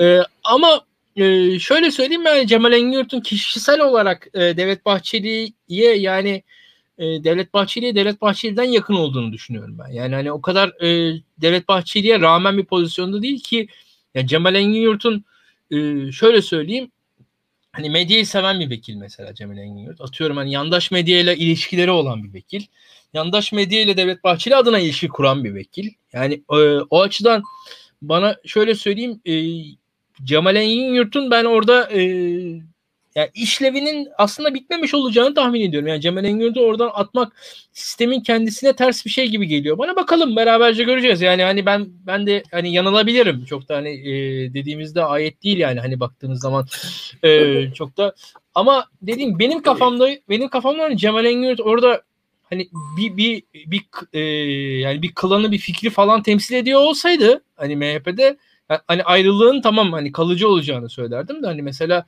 şu an onu o noktaya oturtamıyorum. Mesela şimdi ya Erhan Usta işte MHP'den bir şekilde tasfiye edildi. O sisteme dair bir eleştiride bulundu mesela. Erhan Usta'nın hatta eleştirdiği kişi direkt e, şeydi orada bakarsanız e, Berat Albayrak'a dair bir eleştirisi vardı Erhan Usta'nın mesela. Şimdi hatta sonra gitti aday oldu falan iyi de oy aldı Samsun'da. E, bakarsanız Cemal Engin Yurt'un mesela AK Parti'nin e, içerisinde özellikle Pelikan dediğimiz e, Turkuaz Medya Grubu o, o çevreyle olan ilişkisi kötü bir ilişki değil Cemal Engin Yurt. Yani o, o, o yüzden hani bana e, çözülemez bir sorun gibi gelmiyor. Bakalım bakalım yani hani e, bu, beraber göreceğiz. Bu, bu meseleyi bence e, artık şey üzerinden konuşalım. Yani sen bir Süleyman Soylu uzmanı olarak ya yok e, bize yok canım deme utangaç utangaç. Artık bu herkesin bildiği bir gerçek İlka. Şimdi bize bu e, Süleyman Soylu ile Metiner arasındaki meseleyi bir analiz etmeni istiyorum. Çünkü ben gerçekten hiçbir şey anlamadım. Senin analizlerine güveniyorum. Hı hı. Tabii tabii. Ee, şöyle söyleyeyim. Bir defa e, Cemal Engin Yurt e, çok acayip bu, bu şeyler ben yaşamış. Cemal Engin Yurt ile ilgili sanırım Giresun milletvekili demişim. Ordu milletvekili evet. diyecektim. Bir yanlış oldu ama ee, yani canlı yayında oluyor arkadaşlar. ya, bu arada şey ya Cemal Engin Yurt hapis... değil mesela karışırsa. Ya Cemal Engin o so, Somuncuoğlu meselesinde hapis yattı mı yatmadı mı? Ben yattı gibi de hatırlıyorum bu arada. Onu da söyleyeyim. Bilmiyorum abi. Ya, ya onu bir izleyiciler bir baksın bakalım. Ee, şu an Cemal Engin e, hapis yattı mı acaba diye. Hani hatta yani o, o... şeyde 80'de var hapisi. hayır hayır 2005'te falan 2000'lerin başında. Ha onu bilmiyorum abi. Bakın bir bakalım. Şey Enteresan bir şeydir e, Cemal Engin ilginç bir adam. Yani e, bana kalırsa şey hani e, medyaya Ee, Şey, ay, şeye geleceksin abi. Ee, şeyin e, Süleyman Soylu ile Mehmet Metiner'in kavgasını. Ha, ha, konuşacağız. Sü- Süleyman Evet. Soylu Mehmet Metin'in kavgasında da şöyle söyleyeyim. Süleyman Soylu'nun e, ya şöyle söyleyelim buradaki kavgada e, ben Ha, Mehmet 20 Metin'e ay 20 ay hapis almış bu arada. E, Ce- e, ve yatmış hapse. yani hani bayağı enteresan şeyler bunlar. Evet. Ee, e, tabii ya ülkücülüğün şanındandır. Geçmişinde de var öyle şeyler. Ee, ya şöyle şöyle söyleyelim. Şimdi biz de bayağı eğleniyoruz yayında böyle karşılıklı. ya evet gerçekten. e, izleyicilerden özür dileyerek devam edelim. E, şimdi İstanbul Emniyet Müdürü bu, bu soru çok güzel. Hakikaten İstanbul Emniyetinden başlatmak lazım. Çok doğru söylüyorsunuz. İstanbul Emniyet Müdürü e, eski Emniyet Müdürü Çalışkan'ın görevden alınması e, Soylu'nun bir zaferi olarak algılanmıştı. E, tabii görünürde öyle. İstanbul Emniyet Müdürü Çalışkan bu 15 Temmuz'dan bahsettik. 15 Temmuz'un teknik olarak hani 15 Temmuz bir mücadele ise İstanbul Emniyet Müdürü Çalışkan 15 Temmuz'un galibi olan komutan aslında yani baktığınız zaman orada hani hakikaten de hani darbecilerle birinci mücadeleyi veren silahlı güç İstanbul Emniyeti'ydi. Onun başında Çalışkan vardı. Hakikaten de hani 15 Temmuz'un e, kahraman komutanı Çalışkan'dır. Yani o açıdan hani e, teknik olarak yerine oturtursanız yani ve o Çalışkan şu an görevden alınmıştı. E, ve İstanbul Emniyet Müdürü Çalışkan'ın e, görevden alınması az bir şey değil. Çünkü İstanbul Emniyet Müdürü Çalışkan bu az önce Turkuaz Medya Grubu dediğim yapıya yakın bir e, figürdü. Yani İstanbul Emniyet Müdürü ve o açıdan alınması beni şaşırtmıştı. Görevden alınması. Öyle söyleyeyim. E, fakat İstanbul Emniyet Müdürü Çalışkan'ın görevden alınmasından sonra yapılan atanmayı ben birebir Soylu'nun zaferi olarak yorumlayanlardan birisi değilim. Daha ziyade AK Parti'nin içinde bulunduğu iktidar bloğunun e, devletçi yapısının daha güçlen, güçlenmesi olarak ben bunu yorumladım. Hani birebir Soylu'nun zaferinden ziyade AK Parti'ye destek veren devlet içi geniş koalisyonun daha ziyade ülkücülerin hani e, ve hani partisiz ülkücülerin hani partili partisiz ülkücülerin öyle söyleyeyim yani bunlar direkt Devlet Bahçeli emrinde insanlar değil yani o konuda da haksızlık etmiş oluruz. Yani ülkücü MHP'li e, en azından ayrımına biz burada hani sözümüzde dikkat etmeye çalışıyoruz. Hani oradan düşünün siz de. E, o, o yapının daha ziyade yerine gelişiydi ki zaten yeni İslam Emniyet Müdürü'nün müdürünün e, 1999 yılı gibi enteresan bir zamanda hani hatırlarsanız 28 Şubat'ta denebilecek bir zamanda Fethullah Gülen için terör örgütü e, suçlamasını e, yapan bir e, soruşturmanın e, esasında kalemlerinden birisi olduğunu düşünürseniz yine Emniyet Müdürü'nün İstanbul Emniyet Müdürü'nün o açıdan da görürsünüz çok da e, iktidarın bence seçeceği ilk seçeceği adamlardan birisi değildi. Yani Tayyip Erdoğan e, zihniyetinde öyle söyleyeyim ben. Burada e, yani birebir de o açıdan bence yani Soylu'nun e, birebir zaferi olarak da ben görmüyorum. Burada devam etti olay. Devam etti. İstanbul Emniyetinde e, alt kademelerde de hani alt kademe derken hani orta üst kademelerde de değişiklikler oldu. Bunun üzerine e, bu Metiner'in bir tavrı oldu. Metiner'in e, tavrına bakarsanız siz Metiner'in tavrına ben Metiner'in eleştirisini yanlış buldum açıkçası. Yani bana gerçekçi bir eleştiri gelmedi. Çünkü hakikaten de şu var e, yani Metiner'in eleştirisine bakıldığı zaman aslında kökeni cemaatçi olup güya e, biat eden yapıların e, işte yükseldiğini falan söyle, e, anlatıyormuş gibi gelir orada size. Ya Metin'in eleştirdiği olayda öyle bir olay yok. Yani hani anlat öyle öyleleri var. Öyleleri var. Mesela hani eski cemaatçi olup zamanında hani bu bu işler karışınca cemaatten kopan, FETÖ'den falan kopan bayağı emniyetçi vardır. Hani bunlar hatta işte közmöz falan o tartışmaları hani insanlar bilir ama e, kastedilen durumda öyle bir şey yok. Yani Metinlerin eleştirisi bana o açıdan çok tutarsız geldi öyle söyleyeyim ben. Yani orada e, hani anlattığı gibi bir şey olmuyor yani. Anlattığı şey hani e, eleştirinin kendisinde bir falso var. Orada kendisinin bir garip bir yapısı var diye düşünüyorum. E, bana o, o, o açıdan hani eleştirisini ciddiye almıyorum Mehmet Metin'in öyle söyleyeyim ben. E, Süleyman Soylu'nun da Mehmet Metin'e karşı yüksek perdeden laf söylemesini de azıcık da Süleyman Soylu hani uzmanı diyorsunuz. Süleyman Soylu öyle o kadar boşa çık- çıkacak birisi değil. Mehmet Metiner'in en azından benim kadar AK Parti'nin merkezinde odağında birisi olmadığını bildiği için hani karşısındaki muhatabı Mehmet Metiner olduğu için aslında. Yani pek de önemli bir insan değil Mehmet Metiner bu açılardan bence. Ee, Süleyman Soylu'nun bu yüksek perdeden sözlerinin de öyle anlamı olduğunu düşünüyorum. Yani henüz e, bir yandan durumdan vazife çıkartmış bir Mehmet Metiner. Kendisine bir alan açmaya çalışıyor. AK Parti'nin iktidar savaşında kendisine bir pozisyon açmaya çalışıyor. Tekrar belki e, gücün yanına yaklaşmaya çalışıyor bu, bu aşamada. Ama Mehmet Metin'in henüz gücün yanında olmadığını bilen Süleyman Soylu da sert çıkıyor ve nispeten Mehmet Metin'i susturuyor diye düşünüyorum ben. Hani olan budur benim gördüğüm kadarıyla. Yani benim benim şu an gördüğüm kadarıyla olan budur. Yani şu an Mehmet Metiner bugün iktidarın ana odağındaki unsurlardan birisinin sözcüsü bence henüz değil. Henüz değil. Görmek lazım. Ve öyle olmadığı için zaten hani iktidarın ana unsurlarından birisinin sözcüsü olmadığı için de Süleyman Soylu böyle sert bir şekilde karşı çıkıyor. Yani bugün bakarsanız iktidarın ana unsurlarından birisinin sözcüsü olan bir figür eleştirseydi bence Süleyman Soylu bu kadar sert çıkmazdı. Yani o canlı yayına bağlanmazdı. O canlı yayın sessizce unutulurdu belki birkaç gün sonra. Ama o canlı yayını köpürtmeyi tercih edebiliyor. Çünkü birincisi zaten hani eleştirinin kendisinde teknik hata var. O eleştirinin yani o eleştiride anlatılan hani FETÖ'cü falan ve yani birilerine FETÖ'cü birilerine yani eski FETÖ'cü birileri bir yerde atanmış mı? Atanmıştır da hani o, o anlattığı olaydaki olay o değil yani hani benim bildiğim kadarıyla bir defa. E, o açıdan da e, şöyle söyleyeyim e, bir, bir hikayede şey var yani hani yanlış anlatı var orada. O yüzden de olay biraz şey e, bence boşa çıkıyor. E, bu açıdan da hani aşırı yorumlara çok gerek yok.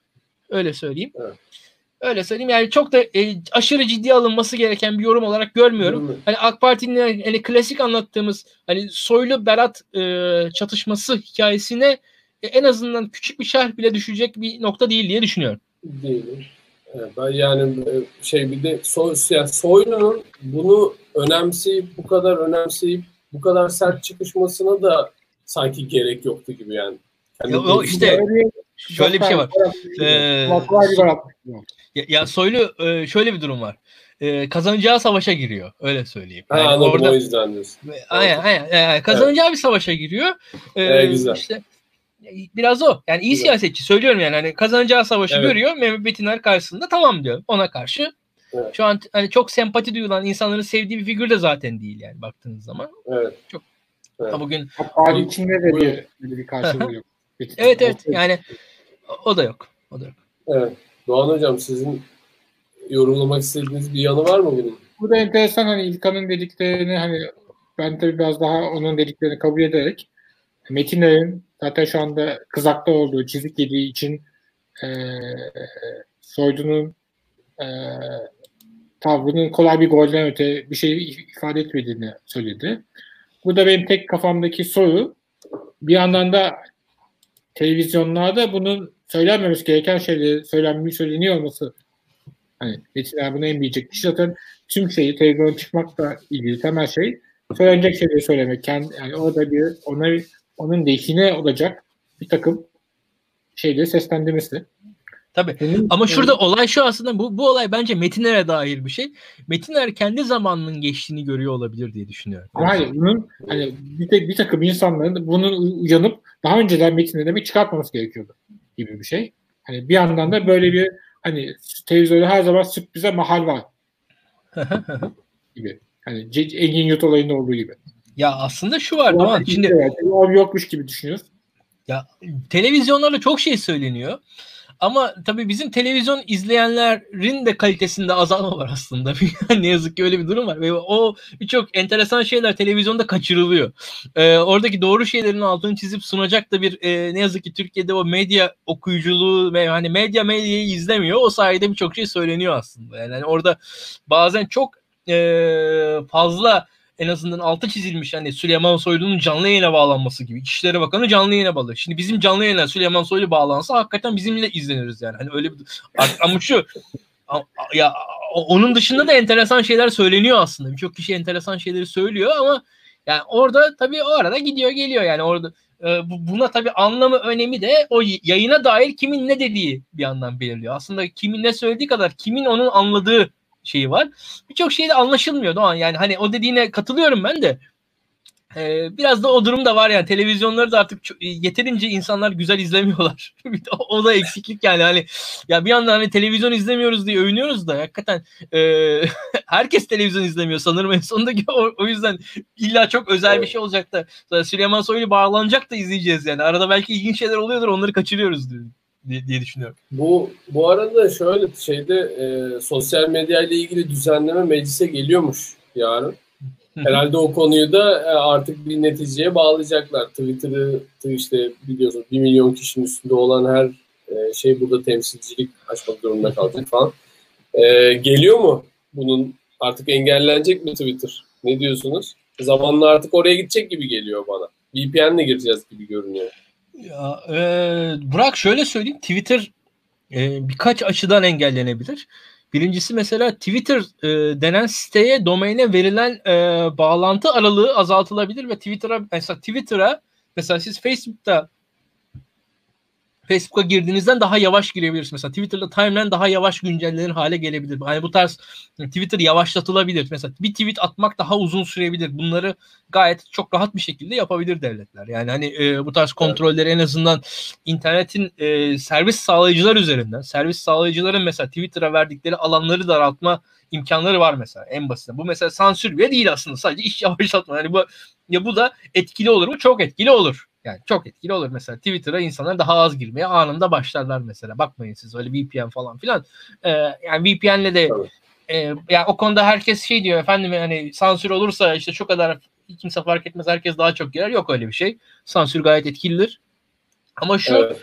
e, farklı platformlar, farklı medyalar e, bence şu yani Twitter bir ihtiyaç olduğu için Türkiye'de bu kadar büyüdü. Yani Twitter'da bakın e, bırak şöyle söyleyeyim ben sana.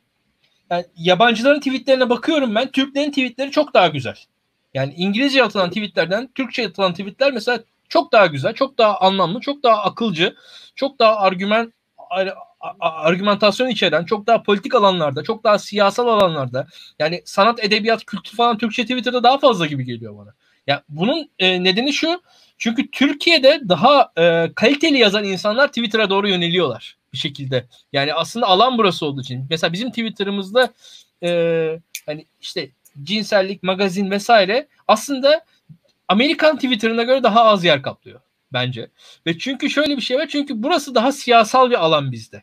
Şimdi bunun kapanıyor oluşu yani bunun kapanması şu e, bizim Twitter'a gelme e, nedenlerimizi yok etmeyecek. Bu da bize başka bir alan bir şekilde e, bulma e, çabasını e, gösterme motivasyonu sağlayacak diye düşünüyorum. Ve bu açıdan şey yani tabii ki baskılar olur. Bu baskıların sonuçları olur. Bu böyle hani bastır, çek vesaire hani bir e, bir şekilde kontrol ve e, serbestleşme mekanizmaları Türkiye devam ettirilir gibi geliyor bana. İktidar açısından e, alanın terk edilmesi tabii daha tehlikeli olur kendisi için. E, bir şekilde o alanda olmak ister. E, yüzde yüz bir yasak ben beklemiyorum. Yine e, ama şu var e, belli sansür çabalarının olacağını e, öngörmek zor değil. Yani Twitter'ın totalde kapanacağını falan öngörmüyorum ama tabii ki biz bastırılacağız. Yani e, bugün bakarsanız hani 2009'ların 2010'ların Twitter'ını hatırlayanlar o yıllardaki söylem e, genişliğinin e, bugün hiç asla olmadığını bilirler. Yani bugün Bakarsanız evet. hani mesela troll dediğimiz şey aslında bugün yok yani. Hani teknik hani hakiki troller falan yok mesela. O, o, o söylemler imkansız bugün. Hani e, birçok siyasal söylem hani bakarsanız Twitter'da bile herkes kendi kendisini işte hani silver mentionları atıyor yani. EGM, Süleyman Soylu falan. Burada ben bile söylüyorum insanlar gülüyorlar. Neden? Çünkü Twitter tecrübesi var yani. Ben her Süleyman Soylu dediğim zaman insanların biraz e, tebessüm ediyor yani. Burada bakarsanız bu yayında bile yani. Hani, ya bu bunun bu, bu jargon oturdu yani bize de. Bizim de aslında dilimiz falan kontrol altında yani. Bizim de şeyimiz var Burak yani. Orada hmm, otokontrol mekanizması kendisi esasında kendi sansürümüzü kendimiz yapıyoruz. Yani, on, yani onun devamı var. 10 yıl 10 yıl önce yazdıklarımın e, onda birini şu anda yazamıyorum Twitter'a. Tabii, Ve tabii, tabii, yani bir de yani eşin dostun uyarıyor. İşte bir şey yazıyorsun ya abi onu sil o öyle olur mu falan diyorlar. Siliyorum. Bir yandan da işte e, şey yani nasıl tırnak içinde delikanlılığa yediremiyorsun bazen falan. Böyle hani şey içindeyim sürekli stres altındayım tweet atarken. Günlük ya Burak ben, ben şöyle söyleyeyim yani ben 3 e, işte 2000 e, ya sanırım 15 Temmuz sonrasında falan e, bu işte şeylere başladım periskoplara falan başladım ben. 15 Temmuz sonrasında başlamadım da işte 15 Temmuz'dan sonra işte e, Eylül Ekim falan gibi başlamıştım ilk e, periskopa. Ya o periskoplar yayınlarına falan başlamam. İlk bu yayınlar olayı yayın işine giriyor. Yani YouTube'a falan giriyor olmamın sebebi aslında Yani cidden e, samimiyetle insanların susuyor olması, sus, susturuluyor olmasıydı. Ya böyle yani bu baskı devam edecek. Yani bu baskı bu iktidar sürdükçe devam edecek. Bu, bu açık net gözüküyor. Ve arttırılacak. Arttırılacak yani. Bunu, yani. Bu, bu, seçime kadar arttırılacak çok belli ki. Tabii tabii tabii. Yani bu yani bunun e, bunun şeyi yok. Bunun çok tartışması yok yani. Hani bu burada da şu var. E, birincisi e, kendimizi daha düz, düzgün ifade etmenin yollarını bulacağız. Kendimizi daha sarı ifade etmenin yollarını bulacağız. Bir şekilde hani yalandan dolandan falan değil de hani bir şekilde daha teknik alanda belki kalacağız. E, gerekirse e, üslup değiştireceğiz vesaire bir şekilde ama e, Twitter'ın içerisinde böyle. Twitter'ın dışında dışarısında da daha çok insanla daha fazla temas halinde olmak gerekiyor. Yani bu da bence bir muhalefet yolu. E, yayının başında söyledim mesela hani bir dizi aslında bir dil üretiyor. O dil üzerinden konuşuluyor. Muhalefetin e, ilk başladığı alan dil. Yani o muhalif dilin bir şekilde yayılması gerekiyor. Muhalif dili olmazsa çünkü şöyle bir durum var. E, iktidarın dili, iktidarın aslında default olarak yani e, a priori biz zaten iktidarda olması gerekiyormuş gibi yani hani orada kurgulanıyor şu an Türkiye'de. Ne yazık ki bir demokratik bir çerçevede Türkiye'de bir dille iktidar yani giderek daha az konuşuyor bence. Yani öyle söyleyeyim. Yani 15 Temmuz falan orada meşruiyet hikayesinden bahsediyordum ama orada aslında iktidar zaten kendisi olduğu için meşru ve iktidarın da hani daha büyük e, meta anlatıları var giderek yani. O, o meta anlatılar da aslında demokratik dili e, giderek e, köreltiyor bence. Biz tabii muhalifler olarak muhalif bir dili kurmalı ve onu yaymanın yollarını aramalıyız.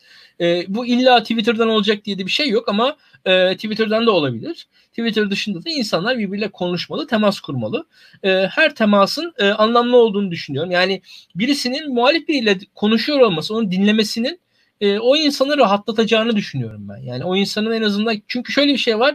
Kendi fikirlerini daha rahat ortaya koyabileceğini bu sayede. Yani bir şekilde muhalif bir insanı duyarak kendi fikirlerinin normal fikirler olduğunu bir diğer muhalif insanın kabullenebileceğini yani kendi kendisiyle yüzleşmesini sağlayacağını düşünüyorum. O açıdan muhalifler arası temasın anlamlı olduğunu düşünüyorum. Ee, yani burada hani hep şey denir hani körler sağırlar birbirini ağırlar falan filan hani işte yankı odası. E, doğru o eleştirilerin bir kısmı ama e, bir eksik tarafı da var. Yankı odası eleştirsin. Türkiye gibi bir ülkede bizim medyamız tek taraflı olduğu için yani o yankı odaları da öyle anlamsız şeyler değil yani. O yankı odalarının kuruluyor olması lazım ki iktidarın aslında eleştirilebilir olduğunun görülmesi gerekiyor. Çünkü ben ben, ben kendi adıma uzun yıllar boyunca makul muhaliftim. İktidarın bayağı bir e, eylemini bir şekilde meşrulaştırmaya çalışan bir tiptim. Ve sonrasında bir noktada özellikle şey duygusunu duygusuna kapıldım. Hani yaşım gereği ya 1990'larda başbakan eleştiriliyordu ülkede. Yani beceriksiz deniyordu, tembel deniyordu, kumarbaz deniyordu Türkiye'de başbakanlara baktığınız zaman. Hatta yani başbakanların sağlıkları, sıhhatleri falan hani Ecevit'te yapılanları onları düşündüm. Yani Türkiye'de başbakanlar nasıl eleştiriliyor diye düşündüm. Şu anki başbakanı nasıl eleştirdiğimi düşündüm. Onlar üzerine düşüne düşüne hakikaten de daha sert bir muhalif e, noktaya da ben kendi adıma birazcık daha fazla hızlı gelmiştim. Yani daha geç de olsa hızlı gelmiştim öyle söyleyeyim. Ee, en azından bu gelişimi hızlandırmıştı. Ee, bu açıdan da hani şey var. Yani bu eleştirinin alanının genişlemesi gerekiyor muhalifler açısından. Bu anlamlı diye düşünüyorum. Doğan ya ve orada yani bizim e, şöyle bir şey var. Yani baskı olur. O baskının da e, yol baskıya karşı biz de yollarımızı ararız. Yapacak bir şey yok. Evet. evet. Doğan hocam. Ee, yani bir konu çok dağlanıp budaklandı. İlkan çok farklı konu atladı. Ee, ama belki güncel Twitter meselesine öte olarak e, sosyal medyanın bugün geri döndürülemeyecek bir süreç olduğu bir. iki sosyal medyanın yokluğunun bir ihtimal olmadığı.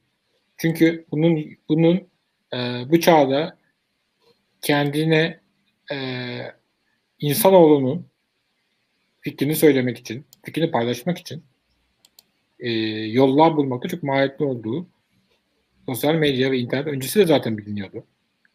E, işte samizdat diye bir şey vardı. E, Sovyetler Birliği'nde. Samizdat e, ne? İzleyiciler bilmez. Onu söyle be abi. E, kendi yayınmış kelime olarak da işte hani self self publication gibi bir anlama geliyor sanıyorum Rusça. E, insanların işte tekstil, tekstil makinesiyle ve e, evlerine gizli matbaalarla bastığı ve eline yaydığı yayınlar. E, bunun bir de şey karşılığı var. Batı'da bastıranı var. Onların gizli olarak dağıtıldığı ve ama bunlar bir özellikle Polonya'da 1970'lerden sonra fiiller zaten e, ya, ya, yasal olarak basılanlara daha görünüyor oluyor ve devlet bunu kabulleniyor. Yani bunda samizat dediğim böyle devlet hiç görmediği şeyler değil aslında bunlar. Devlet bir yandan pes ediyor. Yani pes ediyor derken ne yapacak? Yani aynı anda o binlerce kopyayı mı tek tek yakalayıp imha edecek? Yani hayatın gerçeği oluyor samizat. E, ellerine dağıtılan ya da batıdan kaçırılan. Ama daha çok ilk başta şey kendi ülkede basılan. E, yani öyle Twitter bir ihtiyaç olduğu için Twitter Türkiye'de bu aktif. Ama Twitter'ın özelliği şu. Türkiye'de farklı cevaplardan, farklı kategorilerden, farklı sosyokültürel sınıflardan insanların hani evinde gibi olup farklı dünyalarla kesiştiği bir yer. Hani Twitter'ın yokluğunda Twitter muadilini bulunması çok mümkün olmayacak. Yani hani böyle bir ihtimal olduğunu ben çok düşünmüyorum ama olsa diyor. Ee, o zaman daha yankı odası olacak bir. Ama işte bir yandan da böyle bir şey yokluğunda bu hükümet için de sıkıntı. Hakikaten bir yandan da bir barometre. Kamuoyunu her hükümet ölçmek ister. Onu ölçemediği zaman hükümetler çok endişeleniyor, çok panikler. Hani seçimlerin dahi bir otoriter rejimlerde göstermelik olsa dahi seçimlerin bir işlevi de bu literatürde böyle tanımladı. Hani toplumun bir sesini duyuyor ya da toplumun topluma bir sesler vererek karşılığını gördüğünü bir şekilde toplumun ehlileştirildiği, sakinleştirildiği, kontrol altında olduğu hissi uyandırıyor seçimde. Ee, seçimde ve aslında sosyal medya öncesi seçimde bu işler var. Sosyal medya sonrası sosyal medya sürekli hani günlük plebiscit aslında. Yani plebiscit derken burada oradan fikrin iktidar oluyor ya da hükümete karşı anlamında değil. Toplumun sesini duymamak, o nefes alışları, soluk alıp alıp duymamak çok e, rahatsız edici bir durum. Hani Osmanlı'da kahvehaneye gidip buna casus aldı kahvehanelerde rapor anlamadı sadece böyle şey değil yani. Tebdil, toplumun, tebdili kıyafet aslında anonim profille böyle Cumhurbaşkanı'nda evet. giriyormuş Twitter'a. ee, şey hani o e, hani o toplumun nefes alışverişini duymamak hiç öyle e, ne, ne bileyim cesaret yani hani rahatlıkla düşüneceği bir şey değil hükümetler. Ama onun tabii kontrol altına şu ayrı bir şey. Ama sosyal medya ülkenin soluk alıp bir işi. Ee, ve aslında hakikaten ülke Twitter. Çünkü ülkede, ülkede herkes orada var. Başka diğer sosyal medya falan ülke yok orada. O da hakikaten yankı odaları var. O yüzden tabii ki onun hani Twitter'ın Twitter yapan şeyler çok temel. Mesela yani. Ama hani e, o yüzden hani toplum hani bunun mecrası bulunur, su, su, su, su akar yolunu bulur değil. Twitter'ın gerçek bir şey var. Ama o yüzden Twitter vazgeçilebilir bir şey değil bir yandan. O yüzden de böyle düşünüyorum. Kimse için vazgeçilebilir bir şey. Çünkü hükümet için de bu. Hani oraya da bir kan veriyor. İşte kendi trolleri, şu bu. Hani orada bir işte yeşil toplu, yeşil toplusuz oradaki insan varlığı. Ondan tamamen çıkmak da aynı şekilde altından çok kolay kalkılır maliyet değil. Ya ben hocam... var hani hiç hüküm hani muhafazakar cennet alternatifi de yokken o zaman mesela diyelim yan kodusuydu. Yani çok görünmezken. Sonra onlar aslında bu kamuoyunun parçası haline geldi. Şimdi o zaman kamuoyu tek ayırmak başka bir modele geçmek demek. Ama bu kimsenin lehine olan modelde değil bu. Bir yandan. Bu, bu sebeple de e, bu işi bu işe girişeceklerini sanmıyorsunuz. Yani böyle bir şey koyuyorlar evet, ama yok ama hani e, yani bu kadar hani basit bir reçete değil anlamında söylüyorum. Hani yani evet, yani baskı ve yasaklarız. O kadar basit hocam yani. hocam yani biliyorsunuz bunlar soğan e, depolarını bunlar işte şey yapıyor falan diye basmış bir hükümetten Ama bahsediyor. günlük ona da malum günlük ya tutup da düzenli olarak bu işi yürütmeli. O anlık bir ihtiyaca karşı verdi. Şu an Twitter'da anlık verilen tepkiler sürekli var zaten. Ama bunun daha örgütlü, daha komprehensif olması yani soğan depolu örneğiyle başka bir seviyeyi taşımak anlamına gelir diye düşünüyorum. Hocam şöyle ben peki mesela ben şöyle bir ihtimalin olabileceğini düşünüyorum yani. Madem medya bizim elimizde bu muhaliflerde alternatif medyada organize oluyorlar ve onları orada görüyoruz. Ya biz sadece ya sonuçta biz sosyal medyayı yasaklasak bu insanlar haber almak için televizyonları izlemekten başka bir çareleri de olmayacak falan gibi bir hesapları da olamaz mı? Bana sanki biraz daha böyle, böyle bir düşünüyordu hesapları da öyle olmayacak ama. Kimse televizyon seyretmeyecek. Evet yani, yani bence, bence de öyle olmayacak ama bence onların hesapları o. Yani biz böyle evet, yapınca... Evet, yani Netflix için de vardı bu ama Netflix olmazsa da kimse televizyon seyretmeyecek yani. Dizi Box izleyeceğiz o zaman. Dizi Box var biliyor musunuz hocam? Siz bilmiyorsunuz sanırım.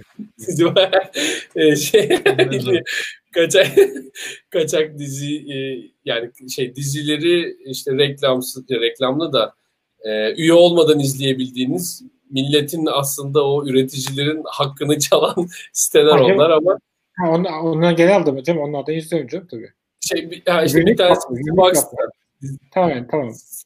Siz dizi izle bilmem neyden izliyorsunuzdur o yüzden. Yani, yani hangisi ilk başta hangisi çıkıyorsa onu izliyorum. ee, bir, bir buçuk saate bir buçuk Rezalet saate valla yani. bir de yani, kendi kitabı olan birisi bu yani. Güya telif haklarına daha saygılı olmasını bekliyorduk ama neyse. Hocam şeyin e, Hacun Chang'ın bir tane konuşmasında şey diyordu. O da bir ekonomist, Koreli bir ekonomist şey diyordu.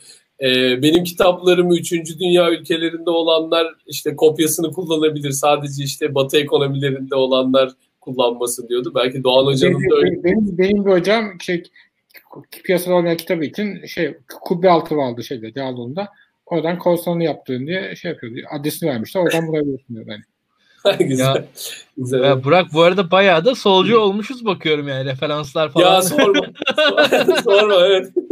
Evet maalesef maalesef böyle bir şey var. Bu politik kompes testi var ya çözmeye korkuyorum vallahi evet, evet. komünist falan çıkacağım diye. ee, bir buçuk saate artık yaklaşıyoruz. Ee, e, eğer eklemek istediğiniz bir şey yoksa e, kapatalım diyorum. Sosyal medya meselesiyle bitiriyoruz. Evet abi. Tamam. Ee, benim ee, çok özel olarak ekleyeceğim bir şey yok Burak. Ee, açıkçası şöyle bir şey var. 15 Temmuz vesaire konusunda daha fazla söz de söyleyebilirdik aslında. daha alengirli noktalara da giderdik diye tahmin ediyorum ama muhtemelen belki ileride ona dair böyle gündem falan yayını olmayan bir kendimiz böyle belgeselimsi bir şey çekmek lazım. Hani ne oldu ne bitti biz ne anladık falan diye öyle tahmin ediyorum. O, o iyi olabilir. Hatta bizim bu e, podcast'ta vardı ya şey son 10 yıl falan yayını. Evet, Hakikaten evet. bir ona benzer böyle bir geniş e, cemaat 15 Temmuz, FETÖ 17-25 Aralık falan bir yayını yapabiliriz. O aslında evet. yapmamız da lazım gibi geliyor bana. Ee, onu hatta yani şu an aklıma geldi. Bizim hani Daktilo'da ona ihtiyaç var. Onun haricinde e, şey diyebilirim. E, dediğim gibi Süleyman Soylu meselesi e, daha uzun sürecek ama bu meselenin hani diğer e, muhatabı Metiner değil bence. Onu söyleyeyim tekrar e, altını çizelim. E, Ayasofya 15 Temmuz ilk iktidar giderek daha böyle simgelere, sembollere dayanıyor. Bu simgeler, semboller meşruiyet alanı açıyor kendisine öyle düşünüyor iktidar en azından kendi tabanında. Bu, bu bundan hafif ürküyorum. Bunu tekrar altını çizeyim. Daha öncesinde pek e, söylemediğim bir şeydi bu. E, bununla beraber bütün bunların yanında tekrar izleyelim bakalım. Yani e, şey konusunda da Cemal Engin konusunda da hep söylüyorum. E, ben Cemal Engin Yurt'un yerinin MHP olduğunu düşünüyorum. Cemal Engin Yurt tam yerini bulmuş bir siyasetçi. Tam bir MHP'li. Yani e, MHP'ye yakışan bir isim. Öyle söyleyeyim. E, Siyasette benim MHP... bir insan. Hani öyle insanlar var ya. Evet yani hani evet. evet. yani hani 14-15 yaşından. Ya böyle ya MHP olmasaydı Cemal Engin bakıp MHP'yi kurardı birileri yani. Hani öyle bir şey var. Neredeyse MHP'yi üstüne kurarlardı. E, evet yani öyle bir figür neredeyse. Engin ee, sabit herkes dönüyor. yani o yüzden de yani hiç kafamda oturtamıyorum. MHP'den e, böyle e, hani bir şekilde ihraç edilen bir Cemal Engin görmek. Bakalım zaman gösterecek. Yani Zoa, evet. Zoaki muhalifin bir şey yani. ya böyle Cemal Engin bir de şey gibi ya Cemal Engin böyle fikirlerinden dolayı partisinden atıldı falan. Bu bayağı enteresan geliyor yani şu an söylerken bile. Yani hakikaten evet. Bayağı distopik bir an Bence yani bence durumumuzun yani bu siyasal sistemin falan en iyi özetleyicisi mesele olacak e, gibi geliyor bana. E, MHP'den ihraç edilecek ve diyeceğiz ki işte bu sistem böyle bir sistem diyeceğiz gibi geliyor. E, Doğan Hocam senin eklemek istediklerini alalım istersen. Pek bir şey yoksa da kapatabiliriz. Ben bu sadece hani ben bu çok fazla sembolle döndü Ayasofya 15 Temmuz. Ama hani yükselen bir sürecin üzerinde e, bu simgeler bir, belki bir anlam ifade eder de bana hiç öyle bir anlam ifade ettiğin gibi gelmiyor. Biraz hani refleks olarak en iyi bilinen şeyi oynamak gibi geliyor. E, ve mesela Çamlıca Cami yapıldı. Ondan beri kimse Çamlıca Cami, Çamlıca'da hani her yerden gözüktüğü için görüyoruz ama hani onun dışında bir hani simgesel bir anlatımı dahi kalmadı şu an. Ee, oysa ki öncesinde çok anlamlı bir şeydi. Hani, hani bir sembol olarak hani bir İstanbul'un en gözüken, her yerden gözüken tepesinde bir cami dikmek. Ee, fikir, evet. heyecanlanan fikirdi muhtemelen muhafazakar cami için. Şu anda herhangi bir heyecan olduğunu düşünmüyorum. Ee, yani bunların bu şekilde fazla kolay hatta bu kadar fazla tüketilmesi de e, belki yavaş yavaş yedilerek yapılsaydı bunlar daha yoğun bir anlam taşıyabilirdi diye düşünüyorum. Ee, ama öte yandan e, simgesel siyaset e, bir de, bir de bunlar tek atımlık balıklar. Yani mesela eşcinsellik kalıcı bir şey. Yani güneş enerjisi gibi. Yani sürekli var orada. Ama hani bunlar bir kez yapılınca tüketiliyor bir yandan da. O yüzden mesela atıyorum eşcinsellik ya da ne bileyim e, İstanbul Sözleşmesi vesaire bunlar en azından sürekli olan e, sürekli daim olacak e, fay hatları simgeler. Yani bir şey yapıp tükettiğin zaman tüketiyorsun sadece gibi geliyor. Bir dakika da cami yapıyorsa cami dolduracaksın. Evet. Değil mi yani hocam? Yani çok e, tam fail bir durum ortaya çıkıyor tam tersini diyor. Mesela Çamlı Camii'nin sürekli mesela arada Diyanet götürüyor. Doluymuş gibi resimler vermek durumunda kalıyorlar. Yani bunlara ihtiyaç duymak ideal bir durum değil. Ama mesela dediğim gibi eşcinsellikle İslam Sözleşmesi'nde bunlar hani e, sürekli ispatlaman gerek yok hani senin başarılı olduğunu. O zaten onu besleyen, onu, ona e, kan pompalayan bir şeyler olduğu sürece bir şekilde sürdürüyor kendini. Bir hat olarak. Evet. Yani bir şey yaramaz olayı ama aynı zamanda sürdürülebilirliği var. Ve zihinlerde sürdürülebilirliği var. Gibi. Öyle cami yapmanın en yanlış hani simgesel siyasi olduğunu düşünüyorum. Yani hocam bir de yani gerçekten eğer ki o camilere bakarsanız görürsünüz. Özellikle cuma namazı falan gibi bir namazı değil de vakit namazında giderseniz o bomboşluğu görünce yani mesela AK Partililer mesela Çamlıca Camii'ne seviniyorsa birisi aa işte ne büyük cami yaptık İstanbul'un göbeğine falan diyen bir AK Partili mesela bir vakit namazında camiye gidiyorsa ya biz neyi yanlış yaptık da bu cami bomboş diyordur büyük ihtimalle. E, Ayasofya'da nitekim öyle olacak. Çam, e, Taksim'deki cami de öyle olacak. Bu arada ya bütün o sembol e, dediğiniz gibi hani o sembol üretmek için ellerinden geleni yapıyorlar. Yapabildikleri tek şey de cami. Yaptıkları camilerin de içi boş. Yani bu var olan bir şeyin yükselen bir işte dindarlık dalgasının üzerine bu semboller olsaydı dediğiniz gibi gerçekten bir anlamı olurdu. Konuşmaya değer olurdu. Ama şu haliyle o kadar bomboş ki hiç anlayamıyorum. Sadece kendi ayaklarına sıkıyorlarmış gibi geliyor bana da. Çünkü sürekli o fail'ı göze sokuyorlar. O, o başarısızlığı. Bir şey var Anadolu'da 40 bin kişilik statlar yapıldı ya. Ne yapıldı? 40 bin kişilik statlar. Bilmiyorum hocam. Stadyumlar. Ya, Stadyumlar ha, şey diyorsunuz şey şey evet evet Anadolu'nun her yerinde evet. 40 bin 50 bin kişilik stadlar boş boş evet. A- aynısı evet evet. Ee, Ayşe Hanım çok güzel bir şey söylemiş. Yani cami değil onlar cami anıtı. Sadece bunun için var gibi. Yani o mesela Taksim'deki evet. cami öyle. Yani sadece orada bir bakın biz evet. buradayız demek için varmış gibi var sadece. İz, iz, iz bırakmak ama işte hani izin de kıymetin düşüyor yani. Evet. Yani Hocam bir de mesela AK Parti sonrasında çok anlamsızlaşacaklar ya. Yani AK Parti sonrasında artık sadece lanet bir şey gibi kalacak falan o o, o sembol diye evet, ortaya her açıkçası çok hani e, ne kadar doğru da bilmiyorum dışarıdan bakamıyorlar ama her böyle simgesel olarak yapılan gösteri gösteri simgesel yapılan her cami aslında daha e, adetle şu kadar kişinin hani real ölçüde liste ölçüdü daha az kişinin camiye gidip namaz kılmasını getiriyor paradoksal olarak. Yani zaten hani bu önemsiz bir detay. Önemli olan camiye dikmek. Fakat aslında evet. düşününce hani o cami ve bir de camiye daha negatif konuşmanın meşruiyet alanını açtı bu.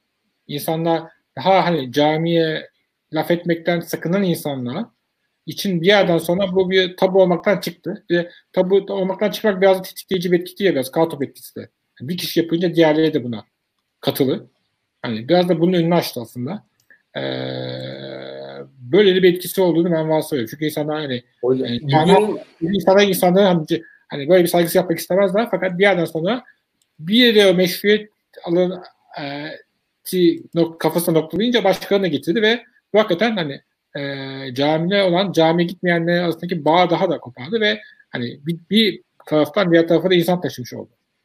Bu çok önemli bir Evet. şey değil. Siyaset kaç kişi namaz kıldığı ölçülmez. O siyaset o simgesel güç göstermekle ölçülür. Ama simgesel güç hani gerçek bir şeyin üzerine oturduğu zaman anlamlı. Hani bu reklamcılık için de derler ya reklamcılar böyle. Hani kötü kötü mala iyi reklam yaptığınız zaman negatif etki yaratır diye. Hani, hani bu reklamcının ilk anlattıkları şeyler bir tanesi. Ben hani e, ancak taklit e, onların dedikleri taklit ediyorum ama hani, hani reklam etkiler, reklam bir malı çok sattırabilir. Fenomen sattırabilir ama tek başına e, bir çözüm de değil. Hatta negatif etki bile yaratabilir. diye derler. E, bu yorumlarla birlikte artık programı kapatıyoruz. E, Doğan Hocam geldiniz. Yine şenlendirdiniz programımızı. Çok teşekkür ediyoruz. E, İlkan sana da her zaman burada olduğun için çok teşekkür ediyorum. E, sevgili izleyicilerimiz size de burada olduğunuz için, yorumlu yaptığınız için çok teşekkür ediyorum. E, lütfen yayınımızı paylaşmayı unutmayın. Artık herhalde abone olmayan yoktur aramızda. Hep bu 200-250 kişi civarında insan burada oluyorlar. E, o yüzden e, onu söylemiyorum bile ama yayını ne kadar çok paylaşırsanız o kadar mutlu edersiniz bizi. O kadar Ya bir de fazla insan beğenin, yayının altına yorum yapın. O yorumları okuyoruz. YouTube'a gelin. Evet. Hani, e, Bir de Evet. Twitter hakkında Doğan Hocam soruma cevap vermedi demiş. Sonra ben baktım ne olduğunu göremedim ama neyse artık. Ee, Hangi so- ha, Yok şimdi vallahi azından, ba- en azından bakarak çabaladığımı söylemiş olayım dedim. E, Evet yani cevap vermeye çalıştık. Ben de sorulan soruları göstermeye çalıştım ama hepsine yetişemeyebiliyoruz. E, o arkadaş artık Twitter'dan sorsun Doğan Hoca e, onu cevaplamaya çalışır. Muni diye bir Ee, E, herkese çok teşekkür ediyorum ve kapatıyorum programı. Hepinize iyi akşamlar. Görüşürüz. yaşamlar.